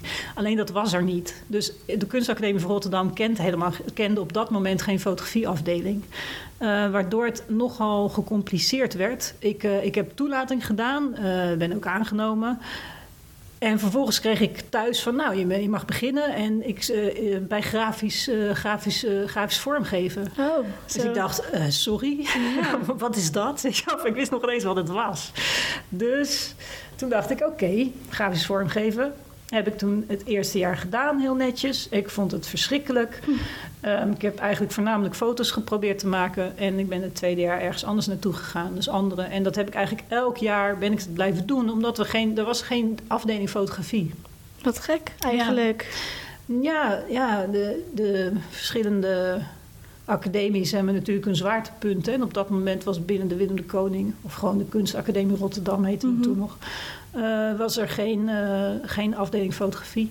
Er waren wel wat, uh, wat docenten fotografie, gelukkig. En, um, en er was audiovisueel had je. Je had um, een afdeling die heette uh, monumentaal vormgeven. Ik, ik, ik, heb zo, ik heb dus elk jaar dat ik op die academie zat... ben ik naar een andere afdeling ja. gegaan. Heb ik andere docenten. Maar ik heb voor mezelf een hele, ja, hele constante studie in fotografie gevolgd. En als je daar nu naar terugkijkt, heeft dat ook echt heel veel bijgedragen eigenlijk? Dat je elk jaar weer een andere studie hebt gevolgd? Ja, ik, voor mij was dat heel erg prettig. Omdat je dus elk jaar heb je andere, uh, andere studenten om je heen. Je hebt elk jaar andere docenten. En, um, en je houdt toch ook wel vast aan degene met wie je begonnen bent. Hè? Dat is altijd wel zo'n eerste jaar op de academie ja. is behoorlijk... Uh, ja, spannend. Ja, absoluut. Weet je, dus daar, je hebt ook bepaalde mensen met wie je gewoon heel erg, uh, heel erg close voelt. Um, maar ik vond het heel prettig om juist les te hebben van een docenten die niet um, direct in mijn medium of niet direct zeg maar, alleen maar over fotografie het wilde zeggen, mm. maar veel, veel breder dachten. Uh, en dan vooral docenten bij beeldhouwkunst en bij monumentaal vormgeven die wel ja, die toch wel veel mee hebben kunnen geven. Het is allemaal, ja, kunstacademie was wel anders toen. Hè? Het was minder, minder inhoudelijk en zo, minder, hm. ja, minder gestructureerd. En dat nu op, op Sint-Joost, zie je dat, ervaar je dat als heel anders hier? Ja. Ja? Er wordt hier echt vanuit een bepaalde visie gewerkt. Uh, er is een idee hoe we de, hoe we de studenten opleiden. Um, de, er is nadruk, dus binnen het curriculum worden er bepaalde, bepaalde um, zwaar, zwaartepunten. Nee, wacht even. Ja, kan je zo noemen. In ieder geval, bijvoorbeeld die, die, uh, die vraag naar het collectieve binnen een praktijk, binnen een studie, binnen een. Uh, binnen een zijn bijna, dus binnen het, binnen het student zijn, zo van op welke manier vormt collectiviteit in jouw leven een, een aandeel? Dat is, dat is iets wat, wat nou, die vraag die is volgens mij nog nooit aan me gesteld toen ik op de academie zat. Of daar, is, daar werd totaal niet over nagedacht. Het was een zeer individuele studie. Um, en ja, de, de, het aanbod bijvoorbeeld van theorie vond ik ook was zo matig. Was, was, gelukkig hadden we een hele interessante theoriedocent, maar voor de rest het was was gewoon minimaal. Dus dan moest je zelf echt ontzettend gaan zoeken van oké, okay, hoe krijg ik in godsnaam nog een beetje meer input binnen. Ja. En, uh, en ik denk dat dat ook, ja, dat is niet te vergelijken met wat, hoe dat hier of hoe dat hoop ik, ja, weet ik eigenlijk niet. Dat, uh, ja, dat hoop ik, dat, dat zeg ik uit mezelf dan. Maar dat moet iedereen voor zichzelf weten natuurlijk. Maar um, zoals daar nu over nagedacht wordt en hoe het een plek heeft binnen het hele denken en het hele functioneren van een kunstacademie is helemaal anders. Oké, okay, ja. Heel anders. En zou dan de risk van toen, de studentenrisk, op uh, huidige Sint-Joost uh, willen zitten? Ja, interessant hè? Ja, want zou ik dan, op, zou ik dan bij, bij uh, fotografie en film ja. terecht gekomen zijn of bij, bij, bij art and research? Um, Dat is een goede vraag. Ja, ik, nee, ik wilde gewoon in Rotterdam studeren toen. Mm. Dus dat stond gewoon als een soort van, van op plek, plek nummer één. Maar ik denk wel dat het voor mijn eigen ontwikkeling heel erg goed zou zijn geweest als ik zo'n type academie had gedaan als de Sint-Joost nu. Maar ja, jeetje, dat, dat is echt dat is zo'n kromme zin. Dat, ja, dat, dat kan natuurlijk Dat helemaal weet je niet. natuurlijk niet. Nee. Wat was in die tijd dan eh, jouw houding tegenover de kunstwereld verder? Eh, is dat heel erg veranderd ook door de, door de jaren heen? Wauw, dit is echt een hele. Oei, dat is echt een ongelooflijk eh, complexe vraag, die ook heel simpel is. Maar ik, ik kan hier uren over praten. Ik zal het proberen heel kort te houden. Ehm, ja, mijn houding, mijn visie, mijn ehm, ideeën over de kunstwereld zijn, zijn 180 graden gedraaid. Hm. Ehm, zoals wij opgeleid werden, was toch wel echt met het in het vizier van... nou, het beste wat je kan overkomen is dat de galerie je oppikt bij het eindexamen en that's it. Zo, dat is een soort van, dat, zou, dat is de ultieme droom. En er werd al gelijk gezegd van ja, eh 1% of 3% van jullie zal hier zal over tien jaar nog steeds werkzaam zijn als kunstenaar. En dus bijna niemand, bla bla bla. En ehm, ja, dat is wel altijd voorgespiegeld alsof dat het ultieme doel zou zijn. En ehm, eh, ik denk dat dat niet zo handig was voor, voor mijn ontwikkeling als, kunstenaars, als kunstenaar. Ik heb dat wel allemaal gedaan, maar dat wil niet zeggen dat dat bij je past. Weet je wel? Zo van, Ja. dat is een beetje dat. Het is ongelooflijk moeilijk als je, als je studeert om erachter te komen van in hoeverre eh, bepaal ik mijn eigen baan of loop ik nou mee met datgene wat me aangeboden wordt.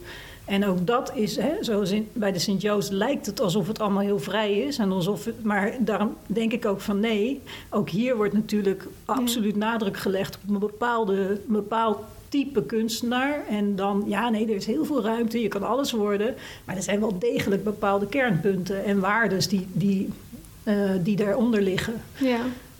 En moedig jij dan als docent zelf eh, studenten toch wel aan om, om eh, verder te kijken dan dat? Of Ik om- hoop het. Ja? Ik hoop het dat ik dat doe, want dat vind ik zo belangrijk. Nee, ik, ik denk dat je als. Ik denk dat je zo ongelooflijk goed elke keer moet afvragen van... klopt dit met hoe ik het zelf zie? En wil ik dit inderdaad? Is dit iets wat ik nou doe omdat dat nou eenmaal aangeboden wordt? Of Ja. is het iets omdat het inderdaad mijn, mijn ehm, idee van mijn kunstenaarschap onderbouwt... en dat ik me daardoor beter ga voelen? Zijn dit de stappen die ik wil maken? Mhm. En ehm, ja, ik hoop dat ik dat doe. Ik probeer altijd wel te zeggen van... Hey, het is een mening, zo van wees, wees je bewust. Dat is maar één visie, er zijn er zoveel meer. Van alsjeblieft ga je oriënteren. Luister niet alleen maar naar docenten of naar... Zeker niet alleen maar naar mij. nou ja, dat, ik, ik weet het niet. Ik hoop dat ik dat doe. En zijn er verder dingen die je bewust doet in je lesgeven... omdat je die miste toen jij student was? Eh, ja, ja eh, maar het is niet direct dat het nou één op één is van... oh, dat heb ik niet gehad en dan ga ik dat nu anders doen of zo, weet je. Want dan, dan klinkt bijna zo als een soort opvoeding van je... Want dat doe ik nooit. Maar ehm, nee, er zijn wel dingen ehm, waarvan ik me bewust ben. Dat is bijvoorbeeld de illusie wekken dat een kunstenaarspraktijk ehm, helemaal van tevoren uitgestippeld kan worden. Of dat je eh, doet alsof iets, ehm, alsof er een bepaalde ultieme kennis verworven gaat worden of zo. Of dat je rust kan creëren binnen een bestaan of zo. Dat zijn allemaal, allemaal elementen waarvan ik denk, nou, daar geloof ik niet zozeer in. Weet je, van ik geloof heel erg in die chaos en in die dynamiek die sowieso onderdeel is van, van leven, van, van kunstenaarschap. Ehm, en het structureren daarvan gebeurt vaak achteraf. En ik denk dat het ongelooflijk belangrijk is dat we elke keer maar weer benadrukken dat we verhalenvertellers zijn, zeg maar. Of dat we dus ook, als we het over onze eigen ontwikkeling hebben, dat we een, dat we een verhaal construeren. En dat is een versie. En dat is prima. Maar er zijn ook andere versies. En het wil niet zeggen dat op het moment dat je erin staat, dat dan alles heel duidelijk is. Ja. En dat is natuurlijk als je als we zo terugkijken en zegt, nou, mijn kunstacademie tijd, bla bla bla bla. Maar als je erin zit, is het natuurlijk één grote chaos. Als je elk jaar zit ik weer bij de decaan te verklaren dat ik weer naar een andere afdeling. Ja, sorry, nee, ik moet toch weer wisselen van afdeling. Nou, het was natuurlijk drama. Ja, Maar achteraf gezien denk ik, ah, heel goed gedaan. zeker. Ja. Dus dat dat is altijd heel moeilijk om, dan, om dat aan te wijzen. Dat vind ik een eh, ja, moeilijke vraag. Even, even terug naar, eh, eh, naar je kunstacademietijd. Wat, wat, wat voor werk ben je dan afgestudeerd? Ik ben met een hele, ik, ik, ik, met gigantische foto's afgestudeerd. Ik Mm. had één foto, die was, nou, het was echt het, dan is de hele kelder van de kunstacademie Rotterdam was zeg maar donkere kamer zo'n beetje. Ik denk dat ik ook nergens anders min of meer geweest dan in die kelders. En ehm, ik had een eh, zwart-wit foto gemaakt. Nou, ik denk dat die iets van vier meter breed was of zo. En, en, en 2,5 hoog, of ik, weet het niet meer precies. Het was een gigantische lab. En het was een zelfportret.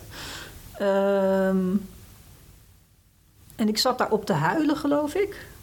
Wat ik me zo... Is echt, dit is echt zoeken, zeg. hé. Ehm, oh ja, en dan had ik er ook een, eh, een billboard van laten maken. Want ik had een shirtje aan met eh, I Love New York of zo erop. En dan zag je alleen dat I Love. En eh, dus ik had daar ook als een soort billboard gemaakt met I Love Rotterdam. Omdat het zo'n dramatische stad is ook. Hè, met het hart eruit gescheurd in de oorlog en. En ehm, eh, die, hadden we, die heb ik toen ook op billboards door Rotterdam laten plakken, geloof ik. Zo'n soort van, er stond dan Rotterdam en ik zat daaronder in een soort vage zwart-wit foto te, te huilen met dat I Love shirtje aan. Dus dat was, een, dat was onderdeel van mijn eindexamen wat ik me zo snel eh, terug kan halen. Maar ik had nog meer. Ik had, ik had zeg maar een soort foto's in de ruimte. Dus het waren foto's, maar het waren ook beelden. Het was ook een soort beeldhouwkunst. Ik geloof ook op mijn diploma staat 3D, als ik me, als ik me dat kan herinneren.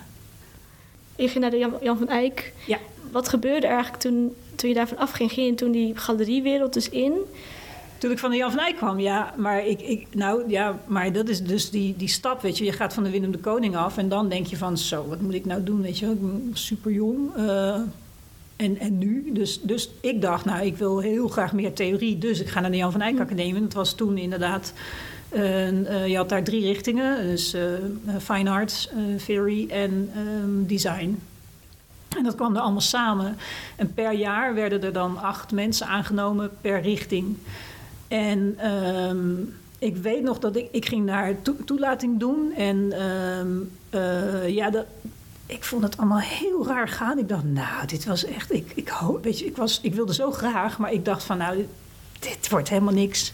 Maar ze wilden me toch graag hebben. En dat was natuurlijk heel erg, eh, ja, was, was fantastisch. Dus ik kon daar beginnen. En ik heb daar in die twee jaar, denk ik, ja, tien keer zo snel of tien keer zo grote stappen gemaakt als daarvoor in die vijf jaar op de, op de Winnende Koning. Omdat je dan ook gewoon al wat ouder bent. Je weet iets meer waar je, waar je zit. Je komt in aanraking met allemaal kunstenaars. Je hebt de hele tijd één op één gesprekken. Ehm, ja, dat, dat, dat is een, snel, een snelkookpan waarin je dan belandt of zo. Dat is, dat, is, dat is veel meer mijn opleiding geweest dan de Willem de Koning, denk ik, zeg maar theoretisch ook gezien. En, ehm, en daarna kwam inderdaad, eh, ja, kwam galerie. Vanaf de, vanaf de Jan van Eyck, ja. En, ehm, Maar dat was ook ander afstudeerwerk hoor, dus zat ik niet meer te huilen. Oh nee? wat, wat, dan? Ach, oh, dat was een soort. ehm, ik lag er als een soort odalisque. ehm, een soort, eh, zo'n soort eh, eh, mix tussen.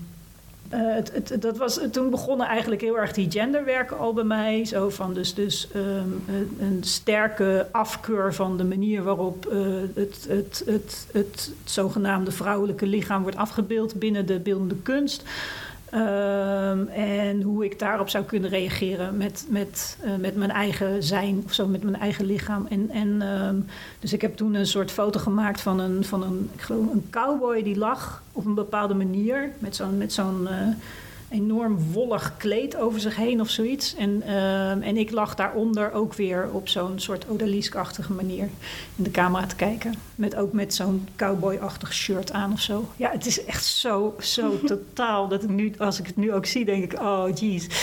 Dat is wel echt heel anders dan wat ik nu doe. En het is ook zo, ehm, ja, ja het, het, het staat gewoon heel ver van me af. Het is, nu, het is werk dat je nu echt niet zou maken. Niet meer op die manier, omdat Nee. ik gewoon, ik zou nooit meer zo flirten met, met, zo, met zo'n soort, weet je wel, nu zou ik het gewoon noemen een soort settler-colonial eh, eh, houding of mentaliteit of van, van het is gewoon, het is zo, zo vreselijke, ehm, het is zo omgekiept van hoe je allemaal nadenkt over dat soort constructies of zo. Alleen het woord cowboy alleen al, weet je wel, zo van en dat, dat dat ook alweer zo geclaimd wordt door, dat, door die hele Hollywood-industrie en zo. Dus er zit zoveel meer achter nu. Oh, ja. Maar toen was er veel meer. Ja, toen, toen was ik gewoon bezig van, oh ja, vergelijken van hoe is het, hoe, de, hoe loopt het in Amerika? Wat, eh, zo van toen de dandies rondliepen in Europa, ja, toen liepen die cowboys rond in Amerika. En zat ik veel meer daar met vrouwelijkheid en mannelijkheid en hoe die samenkwamen of juist heel ver uit elkaar lagen. Dus ik zat, zat heel duidelijk in dat genderkader Ja. zonder al die andere intersectionele dingen daarbij te betrekken. En dat is nu gewoon bijna niet meer. Ja, dat gebeurt eigenlijk vanzelf, hè, dat je het veel Ja. breder ziet, dat je veel meer andere perspectieven er ook bij betrekt bij je denken. Dus door de jaren heen eh, zou je zeggen dat je kunstpraktijk echt, echt een soort van open is gesprongen bijna, of breder is geworden.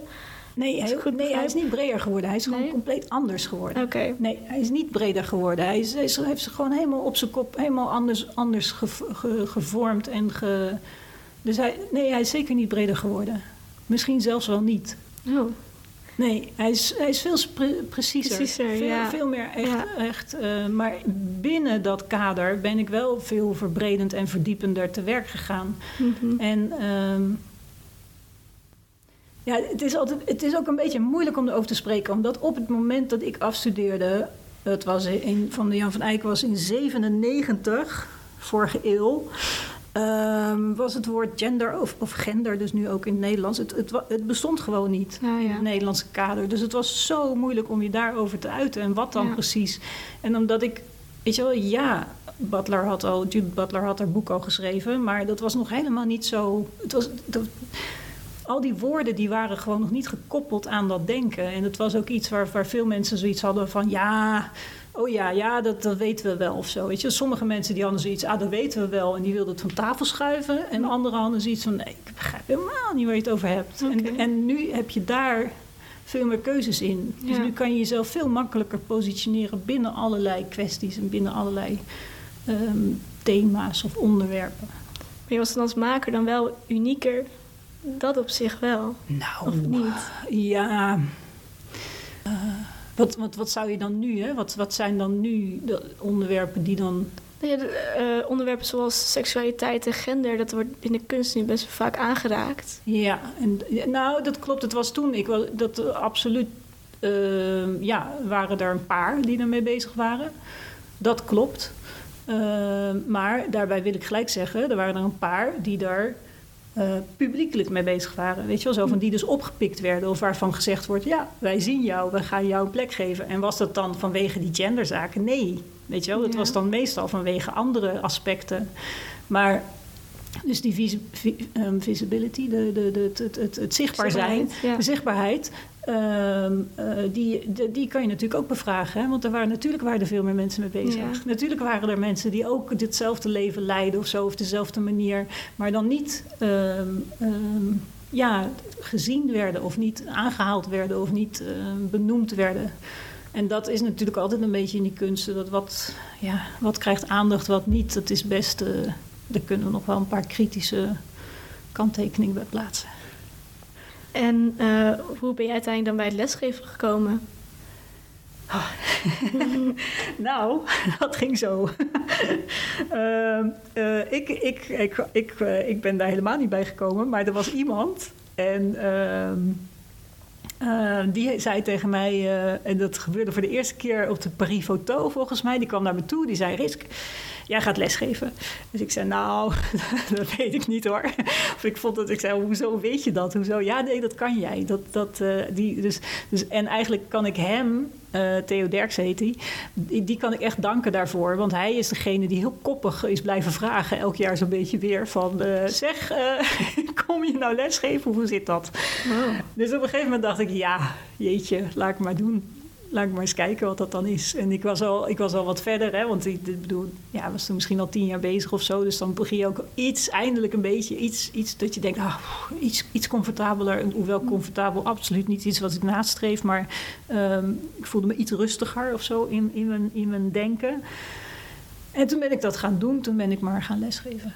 Was het meteen hier op Sint-Joost? Nee, nee, nee, nee, nee. Ik heb eerst vier jaar in Maastricht de academie toegepaste fotografie. Oké, toch wel fotografie. Ja, En, en waarom dacht je hier, nou, hier wel eh beeldende kunst of art and research? ja, dat past veel beter bij me. Ja. Ja, dat is veel meer mijn, mijn ehm, gebied, zeg maar. Ik, de, ja, daar heb ik gewoon veel mee te zoeken. De, binnen die toegepaste kunst, ik heb dat ook echt, echt heel duidelijk gezegd van... eh, luister, ik werk niet in opdracht, ik weet het nauwelijks. Misschien heel af en toe is een in opdracht. Maar ik, ik weet hier eigenlijk niet zoveel van. Maar dat, konden ze, dat interesseerde de organisaties. Dat maakt me niet uit. Je gaat gewoon lesgeven. Oké, die had helemaal vertrouwen in jou. Ja, en dat is natuurlijk prachtig, hè? Dat is echt iets, dat is een groot goed hoor. En dat, Ja. dat, is, dat, is, dat is iets heel moois als je inderdaad mensen hebt die vertrouwen uitspreken in datgene wat je doet. Ik denk dat dat ook, dat dat ook mij gewoon als docent heel erg gevormd heeft. En ik denk dat dat namelijk het, het aller, aller, allerbelangrijkste is. Dat je als docent je vertrouwen uitspreekt in studenten. Dat je gewoon zegt van, hé, maar dat is interessant waar jij over nadenkt. Het is gewoon Ja. eh, dit moet uitgezocht worden. Het is belangrijk dat je je eigen stem vindt. Zo van, van ga er gewoon voor. Weet je, al die, al die dingen die soms een beetje van ja, dat is toch logisch of zo. En denk ik, nou, valt best mee. Dat is helemaal niet zo logisch. En die moeten juist heel erg ehm, benadrukt worden van, van, van hoe, eh, hoe uniek mensen kunnen denken en hoe, eh, hoe interessant en uniek bedoel ik niet als zo van enig en nog nooit eh, getoond en alsof we naar iets nieuws streven of zo helemaal niet. Want ik denk dat we allemaal vastzitten aan onze, hè, in onze ketting van voorouders en, en, en zullen we ze naouders noemen? Dat is ook wel een leuk woord, ja. Dus dat, maar ik denk wel dat het heel goed is om elke keer te, te zeggen van, van zoals jij denkt, dat, eh, dat mag je koesteren en daar mag je in verder denken. Ja, dat is heel mooi. En eh, zijn er ehm, hele specifieke dingen die je ongeacht tijd eh, en plaats steeds terug ziet komen op de kunstacademies? Dat je denkt, oh, dat is echt niet veranderd sinds ik student was. Ja, je ziet natuurlijk altijd, ehm, maar dat heeft meer met mens zijn te maken, denk ik, dan met een, met een kunstacademie of met een bepaalde verlangens, of een bepaalde ehm, leeftijdscategorie ook.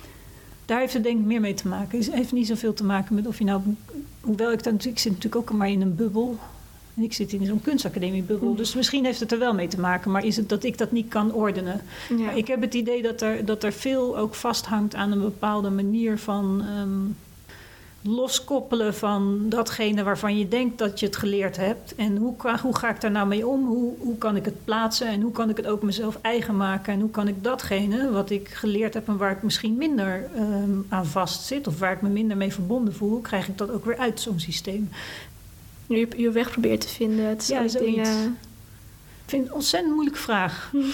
Ja, omdat het hè, zo van. Want, want eh, dat is inderdaad zo van, van. Kunnen we dat überhaupt? Kunnen, we, kunnen wij? Want ik kan natuurlijk nou nooit meer die vraag zo van. Ja, ga terug naar je studententijd en denk hoe je toen was. Ja, ik ga als 48-jarige ga ik terug naar toen ik 20 was. Of nog jonger, toen ik begon op de kunstacademie.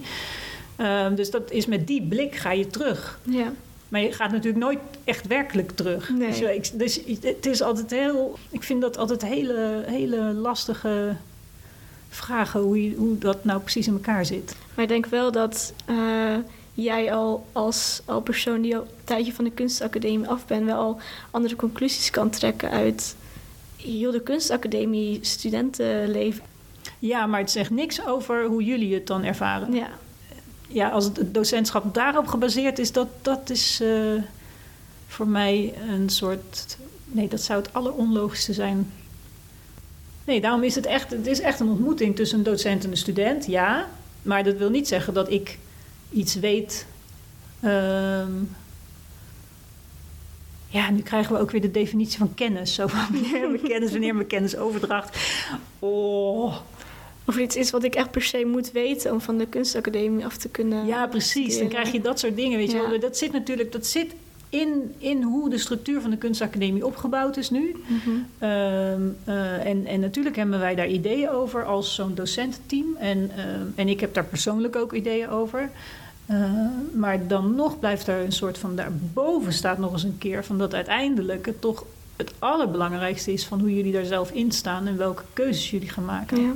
En als jullie dan interesse hebben in bepaalde onderwerpen, uh, nou ja, hier wordt heel veel naar collectiviteit toegewerkt. Stel je wil iets compleet anders, dan moet ik in staat zijn om je dat ook te kunnen bieden. Want mm -hmm. dat is dus, het is niet dan dat ik ga zeggen van, ja, sorry hoor, maar dat doen we hier niet. Dus dat vind ik, dat, vind ik, dat kan niet. Ja. Want jij geeft aan wat je wil leren, niet ik. Ja, dat, is de, dat is dat verschil. En uh, dan als laatste vraag. Uh, wat is misschien jouw definitie van docent zijn?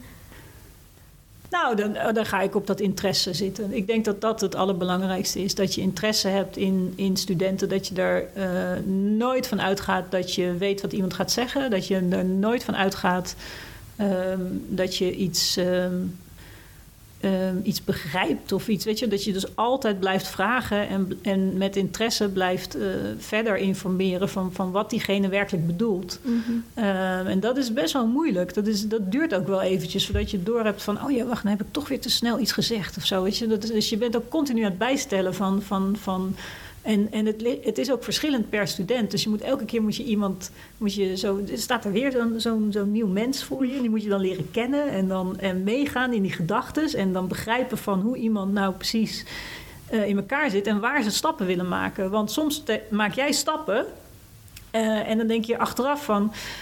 Ai, dat was misschien toch meer mijn stap dan dat het die stap van de student was. En dan moet je dan altijd weer moet je het gaan. Je moet altijd kijken van klopt het nog? Weet je wel, zo van. van, van omdat de vraag die, die een student kan stellen, die kan heel erg lijken op een vraag die jij jezelf ook stelt. Maar dat wil nog niet zeggen dat de interpretatie dezelfde is. Dus je, je moet elke keer weer terug zo van naar die student toe. Van hoe bedoel je hem nou precies? En wat, wat, um, waar ligt dan voor jou de nadruk? Of, en ik denk dat dat het allerbelangrijkste is. Dat je ervan uitgaat dat wat jij als docent vindt, dat het eigenlijk. Ja, dat klinkt, dat klinkt natuurlijk ook weer. Dit soort uitspraken die kunnen heel verkeerd opgevat worden. Maar als je een beetje in mijn denken meedenkt, dan zou je kunnen zeggen: alles wat een docent denkt is eigenlijk niet zo belangrijk. Hm. Zo van: het is, het is, het is gewoon, uh, daar gaat het niet om. Ja.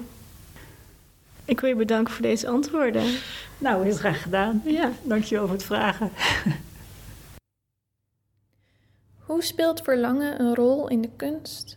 En in hoeverre heeft de maker regie over zowel zijn of haar eigen verlangen als dat van het publiek? Mijn naam is Esther van Zoelen en het volgende gesprek voer ik met George Smit. George is een kunstenaar die als hij ergens naar verlangt of naartoe wil, daar vol voor gaat en daarvoor en daarom graag een strijd aangaat met het schijnbaar onmogelijke. Op dit moment onderzoekt hij het belang van zijn ouderlijk huis en hoe hij dat kan tonen. Hallo George. Hoi Esther.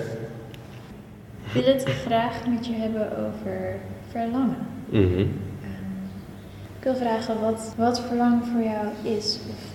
Mm, verlangen voor mij, het veroorzaakt motivatie, maar die voeden elkaar ook heel erg. Dus um, laten we zeggen, ik heb het verlangen om de academie mooi af te sluiten.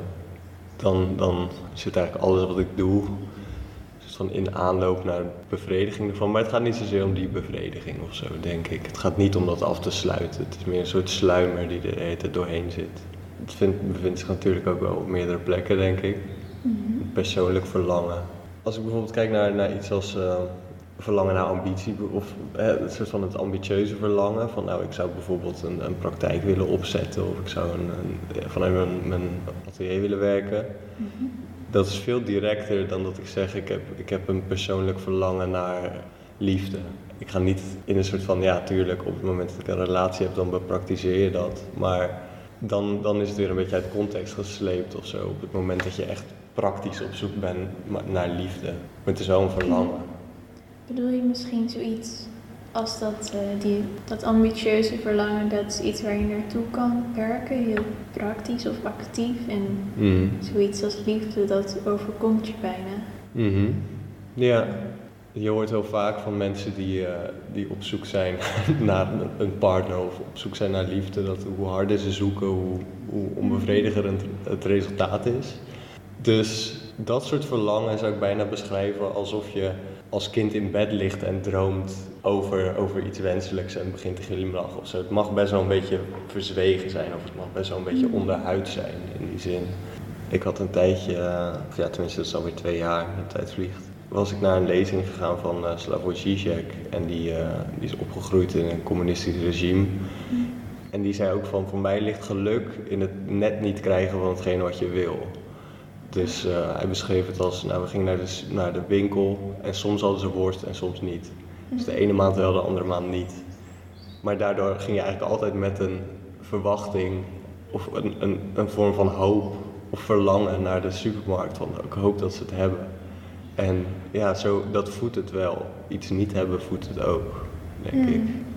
Ja, misschien dat je er dan meer op wordt gewezen. Van, oh, je, je verlangt iets en je hoopt erop. En misschien ga je er bijna soms al van uit dat, het, Mhm. dat je het krijgt. Maar Mhm. Dan word je opeens stopgezet. Ja, ja. Ik denk dat het dan, dan, ja, dan kan het verlangen ook verschuiven, denk ik. Verlangen heeft natuurlijk ook een hele karakteristieke houding. Dat als, als je bijvoorbeeld geen, nou ja, het is een beetje een soort Hollywood beeld, maar een kind dat geen, nooit speelgoed heeft gehad, die verlangt gewoon naar het ene speeltje. Of iets, of iets dat zelf gemaakt is. Terwijl je het vanuit een andere context kan beschrijven dat een kind dat alles krijgt, begint te verlangen naar steeds luxueuzere dingen of steeds een soort van eh, onbereikbare dingen. Dus ik denk dat het ook heel erg, ja, ligt in dat veld van, van wat te bereiken is of zo, wat de volgende stap kan zijn. Na deze overdenking wil ik ook graag iets laten zien. Mhm. En het is een filmpje. Er zit geen geluid bij. Mhm. Of misschien geeft dat al wat weg. Maar het is een werk van John Cage en het heet 432 voor piano.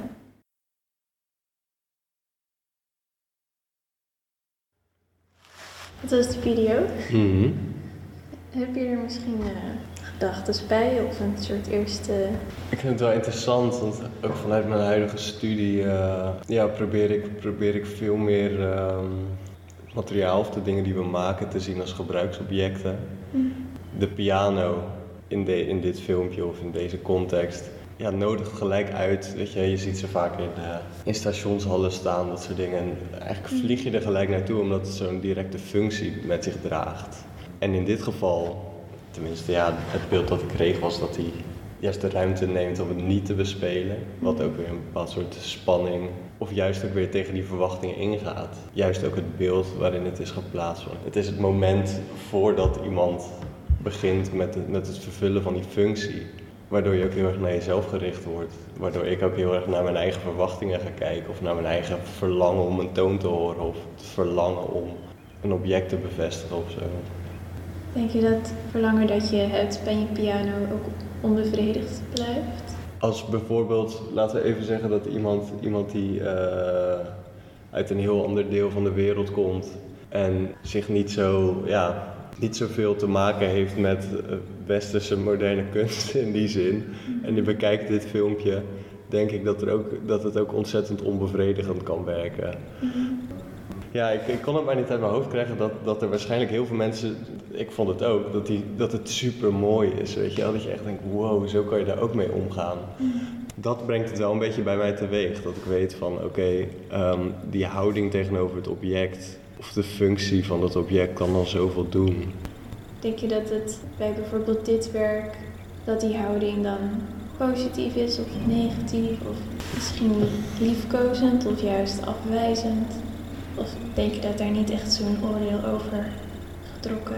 Ja, tussen het positief en negatief zie ik het. Hoe ik het zou zien is dat die twee eh, elkaar aanwakkeren. Dus juist door bijvoorbeeld eh, niet te spelen, dat die, dat je rust ook weer op een juiste plek valt. Het is natuurlijk het format waarin je het doet. Hij heeft publiek, het staat in zo'n setting. Ja. ja, hij, hij eh, presenteert zichzelf toch als een soort, nou ja, hoe zou ik het zeggen, als artiest. Dus het is niet zo dat hij maar wat doet. Hij zit daar met een choreografie, dus dat belang, dat zit daar wel in. Liefkozend vind ik het wel. Ik vond het heel respectvol eigenlijk tegenover het object van de piano. Juist door dat object ook even los te koppelen van um, slechts die functie alleen. Je gaat ook anders naar die piano kijken of voor mij voelde het echt als het zoeken naar een omgang. Het was ook niet dat hij de hele tijd alsof hij ging spelen zat. Nee, hij nam echt wel andere posities in tegenover het object. Waardoor je bijna al, ja, ik kreeg bijna al het gevoel van een toonhoogte of van een soort, uh, misschien een gevoel dat hij had bij de piano. Of misschien muziek die hij in zijn hoofd had, die, die, waar hij in meeging. Dus ik vond het wel heel zoet in die zin of zo. Het was heel, uh, er zat veel respect tussen de twee. Ja. Denk je dat kunst een doel of een middel is? Um, ja, dat vind ik best een lastige vraag. Omdat, kijk, een middel leidt al heel snel tot een middel tot. Dus vaak heb ik het niet. Kijk, op het moment dat ik bijvoorbeeld een, een, werk, een werk maak, dan is het niet zozeer een middel tot het gesprek of zo. Dat is niet het uitgangspunt in die zin. Dus ja, ik zou het, als iemand daar niks mee kan, dan is dat ook goed. Of het gaat er niet zozeer over dat we dan dat het werk gemaakt is en dat we er dan even drie, uur over kunnen praten. Van ah ja, maar het gesprek was echt belangrijk. Ik zie het in die zin veel meer als een doel, waarin um, ja, het is, het is veel meer een, een soort persoonlijk doel. Alleen um, gebruik ik wel vaak werk dat bijvoorbeeld ingezet kan worden als gebruiksobject of wat, wat meerdere mensen nodig heeft om getild te worden of op die manier ook wel een soort functie kan vervullen. Of juist meerdere functies kan vervullen. En in die zin is het ja, een middel tot weer andere wegen of zo. Het doel is vaak, ja, het doel voelt vaak alsof er een punt achter staat of dat het, dat een conclusie is. En uiteindelijk is die conclusie uh, niet zozeer hetgene waar ik op uit ben. Het is veel meer het inzetten van middelen tot nieuwe potenties. Maar dan gaat het niet zozeer over uh, het komen tot een concreet antwoord. Dat is natuurlijk weer de grote vraag wat het doel uiteindelijk kan zijn. Het doel is om iets niet te snappen. In die zin kan het ook oneindig zijn. Maar dan zit ik nu in mijn hoofd, het doel is de kunst. Hmm. Uiteindelijk is dat wel het doel voor mij. Ik wil wel kunst maken. Je doet het echt om iets te realiseren. Ja, jawel. Misschien om dingen, observaties of gedachten concreet te maken ook. Mm -hmm. Ja, om bepaalde ideeën een plek te geven ook. Mm. Het is natuurlijk puur persoonlijk wat je uit de kunst zou willen halen of wat je, daar, wat je daarin neer wil leggen. Maar het is toch een, een veld dat in die zin toch nog wel zo ongedefinieerd is dat, dat die ideeën daar een plek hebben, in ieder geval. Of dat het totale waanzin kan aannemen of totale rust. Ja, um, het doel is nog niet vastgesteld. Ja, en in die zin kan het wel een doel zijn. Ja. Dus uh, ze hebben veel met elkaar te maken, maar een antwoord heb ik niet voor je. Dat mag ook. Voor jezelf heb je een doel. Mm. Maar is dat doel er ook voor andere mensen? Of soms wel, soms niet? Mm. Ja, het ligt er heel erg aan. Op het moment, um, ja, vaak heb ik wel gewerkt met toevallige omstanders. Dus juist iemand die totaal niet vraagt om het werk, dat hij dat die zichzelf in een setting begeeft waar, waar die in één keer wel iets moet met dat werk met dat idee probeer ik ook vaak te spelen. Dat je eigenlijk ja, jezelf moet betrappen dat je in zo'n uh, zo'n context staat. Of dat iets niet klopt wat je hebt gezien. Of dat je daar vaker, of ja, misschien nog een keertje over na moet denken. Van nou, dit, dit breekt met het patroon van het kijken of het ervaren. Aan de andere kant, ja, op het moment is dat ook heel erg gericht nog naar andere makers. En heel erg het delen van perspectieven. En um, meer de manier waarop ik het nog echt als studie indeel. Maar er zitten wel verlangens in. Verlangens om te kijken of ik een bepaald punt kan bereiken dat, dat mensen zichzelf ergens in kunnen verliezen. Of juist echt op zoek gaan naar hetgene wat hun intrigeert. Be bedoel je dan ook dat je mensen nieuwsgierig wilt maken? Mm Ja, op het moment, of ja, tenminste, dat was een halfjaartje geleden, deed ik een experiment. En toen kwam ik eigenlijk tot de conclusie dat, um, dat ik het heel wenselijk vind als als er eigenlijk een langere tijd wordt gespendeerd met het werk. Of ja, dat kan verschillen, of heel kort of, of wat langer. Kort in de zin van dat je een glimpse kan opvangen en dat het een raadsel kan blijven. lang in de zin dat je niet zozeer een antwoord gaat krijgen, maar dat je zelf die concentratie aangaat met het werk. Dat bedoelde ik net ook met bijvoorbeeld dat betrappen of juist een, een toeschouwer er direct in betrekken. Dat die ruimte er ook kan zijn of dat daar niet, niet een bepaald soort vorm van regie in zit. Maar dat het beeld ook juist, of ja, tenminste de context om zich heen kan, kan grijpen of juist zichzelf kan reduceren tot één klein dingetje. Ja, ik vind het wel interessant dat je ook dan bijvoorbeeld het woord grijpen gebruikt. Ehm, ik zie het zelf wel vaak dat je hebt een bepaalde spanning tussen openheid en tussen vastheid of zo. Mhm. Dat het open genoeg moet zijn om mensen naar binnen te kunnen laten. Maar je zou het ook zo kunnen zien dat, dat je nieuwsgierigen gewoon grijpt en ze bijna dwingt misschien om eh, te kijken. Is dat wat je denkt dat jouw werk ook wil doen? Of? Ja, ik, ik, ik gebruik het, eh, het idee soms wel. Er zijn natuurlijk trucjes voor, dat als je een luikje ergens maakt, dat iedereen zijn hoofd erin wil stoppen bijvoorbeeld. Maar op het moment zou ik dat veel liever eh, willen doen in de manier waarop ik de context presenteer. Ik ben nu bezig in het huis waar ik ben geboren. En eigenlijk zou ik het heel graag, als er toeschouwers komen, zou ik ze alleen door dat huis willen laten lopen. Uh, in sommige kamers zijn werken, in andere kamers niet. En op die manier ook juist door uh, met een gegeven context te werken, dat die toeschouwer eigenlijk de vloer of de trap of het plafond ook op die manier kan gaan zien. Dat eigenlijk het hele huis op die manier uh, gezien kan worden als werk of als, als object in die zin. En dat bedoel ik meer met dat om zich heen grijpen, dat, dat je iemand eigenlijk in staat stelt tot het betrekken van dingen. Dat het allemaal een rol speelt eigenlijk binnen die context waarin je het schept. Dat is nog iets wat ik onderzoek, maar ja. Komt ook wel weer overeen met wat je eerder zei, dat alles kunst kan zijn of dat het overal kan zijn. En dat is hier natuurlijk ook. Ja, ik, ik heb het liefste dat bijvoorbeeld dat die context kan bestaan. Ik heb vaak wel het idee dat ik die context er wel bij moet geven. Omdat ik dat dan interessant vind of dat, dat is misschien het, uh, het doel waar ik op uit ben. Maar ja, het kan natuurlijk ook zijn dat, dat iemand zelf die regie al neemt. Of zelf zegt van nou ik vind dat niet. Of uh, ik heb het helemaal niet zo gezien. Er is altijd een, een soort van, ja, hoe zou ik het zeggen? Omdat je toch samenwerkt in dat idee. Je wil graag dat er naar gekeken wordt. Dus je geeft anderman eigenlijk ook een, een belangrijke rol in het ervaren van het werk. Waar ik een beetje naartoe wil is uh, wie die agency eigenlijk heeft. Dus dat je als maker natuurlijk een context kan scheppen, maar iedereen kan die context ook weer eigenlijk omverschoppen of veranderen of naar zijn hand toe zetten. Dat zijn natuurlijk ook dingen. Je stelt jezelf of een ander in staat om iets te vinden. Heb je het verlangen om de ander iets te zeggen en is het belangrijk dat die persoon weet wat het is of wat Mhm. jij bedoelt? Ik werk vaak vanuit een werkvorm. Dus ik benader iets en ik onderzoek de opties daar. Of ik laat me intrigeren door iets en ik wil dat uitvergroten of eigenlijk uit zijn context trekken of een nieuwe context opleggen. Tijdens dat, die werkvorm uh, werk ik heel nauw eigenlijk met dilemma's. Ik, ik kom er bijvoorbeeld niet over uit of dat huis nou een object of een ruimte is en wat is het verschil. En uh, ik wil graag onder de vloer, maar ik kan er net niet in. Dus dan moet ik een andere manier vinden om daar weer in te kunnen.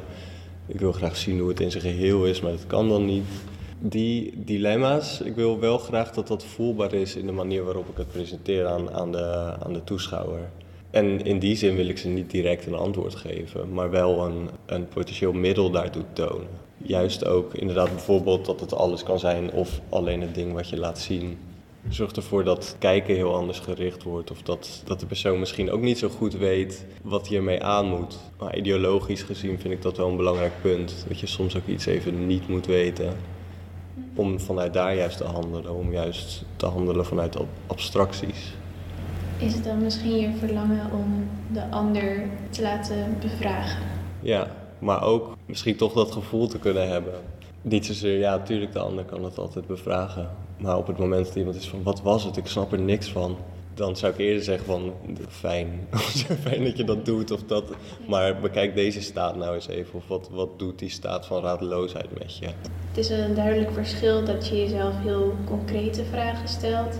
En dat je een soort van in zo'n roes bent van, wat is er nou net gebeurd? Mm -hmm. Ja. Ja, maar daar, ook daar zit een soort van bevestiging in. Ik heb het vaak dat als een, als een, een werk tot me spreekt, maar ik, ik kan er niet bij, of dan vertik ik even om de beschrijving te lezen, maar dan wil ik gewoon eventjes worstelen met dat ding of met, met de ruimte. Dat bevredigt me wel, dat ik daarover kan blijven piekeren en ja, dat motiveert, vind ik. Mooi. Denk je dat dan verlangen veel te maken heeft met je praktijk? Of je moet niet per se dat woord gebruiken? Jawel, ik heb het wel vaker gebruikt ook. Aan het begin van het gesprek ging het over iets waarvan je eigenlijk niet zeker weet of je het kan krijgen of, of dat het gaat lukken. En ehm, ja, dat is heel vaak de start van een project dat ik ga doen. Een eilandje waar ik een tijdje heb gewerkt, dat is op een heel druk vaarwater. Dat is heel gevaarlijk eigenlijk om naartoe te gaan. Ik heb geen boot, dus ik ga maar op een luchtbedje. En ik- het lukt net niet en ik ben daar. Ik begrijp eigenlijk niet wat ik hier nu moet doen. Het gaat eigenlijk constant over het gebied dat we net niet kunnen betreden. Of als we dat betreden, wat dan? Wat is eigenlijk na de leap? En in die zin handel ik heel, heel direct uit verlangen eigenlijk. Best wel een soort naïef verlangen. Als dat verlangen een soort van stopt, dus als je, het, als je er bent of je besluit dat het niet lukt, denk je dat het verlangen dan weg is? Ja, het gaat wel in fase in die zin. Ik ben gestopt met werken op dat eilandje, maar dat betekent niet dat ik er klaar mee ben. Het is alsof je nog. Van, ja, nu ga ik ook nog elke dag met de trein ga ik er langs. Dus ik ben elke dag nog wel even oogcontact aan het maken met die plek. Van, dat krijg je nog wel. Maar ik probeer het wel op meerdere plekken toe te passen. Dus ja, het gaat wel meer in fases. Dat op het moment ben ik heel betrokken met dat huis. Maar op het moment dat dat weer afgebroken is en eventjes met rust gelaten is, dan is het misschien wel weer interessanter om ergens buiten te werken. Om te kijken wat dat domein doet. Of hoe ik daar weer eigenlijk de ondervindingen van dat huis kan toepassen. Het gaat best wel over het, uit, het uitwisselen van locaties in die zin. Dus overal heersen andere voorwaarden. En hoe kan je nou eigenlijk de voorwaarden uit één ruimte toepassen op een andere? En wat is nou daadwerkelijk het verschil daarvan? Eh, denk je dat er manieren zijn om erachter te komen wat het publiek verlangt? Dat is best wel een hele mooie vraag, vind ik. Want op die manier, ja, ik heb toch altijd het idee dat je, dat je iemand uitnodigt en dat die persoon dan maar soort van dat moet, moet ondervinden. En dan zit daar heel gauw een soort idee in van, nou, laten we zeggen 20% vindt het niks. Of misschien is dat een beetje arrogant, zo 50% vindt het niks. De andere 50% kan het heel gaaf vinden. Maar ja, c'est la vie. Ik denk dat er zeker manieren zijn, maar ik zit nu erg te denken in hoe je dat niet een soort van eh, een enquête-achtig vorm kan geven. Het kan natuurlijk wel in de zin van, ik heb best wel een verlangen om, om die toeschouwer direct te kunnen betrekken. Dus dat je ook veel meer bijvoorbeeld in het moment met, met een toeschouwer kan zijn. Of dat je die direct betrekt bij iets. Of misschien een bepaalde rol toekent in het werk. Dat die persoon naar iets kan verlangen, maar dat vervolgens ook, het vervolgens ook kan vervullen op een bepaalde manier. Of misschien naartoe kan werken of deelbaar kan maken op het moment dat die zich verkeert in dat proces. Maar aan de andere kant, ik sta wel achter mijn punt dat verlangen zit, er zit ook heel duidelijk in onbevredigd of onbevrediging. Ja. Dus iemand kan ergens komen met het verlangen om iets te zien. Maar op het moment eh, dat die niet vervuld wordt, wordt dat verlangen van die persoon misschien sterker. Misschien moet, moet ik daar ook niet te veel aan zitten. Ja, Ja. misschien gaat het ook wel een beetje over eh, de autoriteit van het werk. Mhm. Als er bijvoorbeeld mensen zijn die ernaar verlangen dat het anders zou zijn, Mhm. maar jij als maker zegt: Oh nee, dat Mhm. gaan we niet doen. Ja, misschien heb je dan ook wel te maken met eh, die onbevrediging en met echt zo'n afscheiding van: Ik ben eh, de eigenaar. Ja. ja, het zet natuurlijk wel aan. Natuurlijk, ja, ik heb best wel vaak gehad dat ik, dat ik iemand zijn werk ga bekijken of eh, dat ik ergens terecht kom. Dat ik eigenlijk heel ontevreden ben over wat ik zie. En dan ga ik wel op zoek naar manieren waarop ik het toch enigszins een soort van eh, interessant kan gaan vinden. Soms is dat niet zo. Soms vind ik het gewoon niks. Dat, dat kan. Ik vind dat ook wel belangrijk. Of heb ik gewoon veel kritiek en dat spoort mij heel erg aan om te denken van oké, als ik het zo en zo doe dan... eh, of dat ik het heel erg vertolk naar mijn eigen praktijk dan. Om te kijken hoe kan ik dan eigenlijk mijn eigen onbevrediging eh, weer omzetten in een verlangen. Ja, ik herken dat wel. Dat je een werk ziet van iemand anders en dan naar de aspecten kijkt die je wel leuk vindt. Mhm. en Wel interessant. Mhm. En dan de rest maar zo'n beetje, ja. Ja, dat eh, zegt me niks. Ja. Dus ja, ik vind het wel een, een interessante kwestie. Maar dat ligt heel erg bij je intenties, denk ik, hoe je het, hoe je het wil. Stilte. Even geen zin in je. Hopelijk begrijp je dat. Ik ga even weg. Daar kan ik lekker hoog zitten en word ik een beetje met rust gelaten. Ik passeer een spiegel en bekijk mijn vacht. Vanaf de koelkast zie ik iedereen brabbelen tegen elkaar en vanaf een afstandje is het ook best fijn om naar te luisteren. Ik spring van de koelkast op de vloer, ik stap naar buiten, hij ziet me niet. Gras en bloemen als dekking, hij ziet me niet. Langzamer kom ik dichterbij, plots draait het, ziet me en vliegt weg. Ik bivakkeer nergens vandaag. Jij kent die niet, maar wij wel. Er ligt een kleed in de tuin die we al dan niet in de fik zullen steken. Ik hoor de windpijpen, de warmte van de zon, windkastelen, toren en terrein, het raamkozijn en jacuzzi, de schutting en gepraat komt aanwaaien. Gebroken met stroef gezicht te wezen. Er is overal wat, voetstappen op de kastelen. Alleen in sprookjes is de hitte onheilspellender dan de regen. Het ritmisch bewegen breekt de stilte met schrik.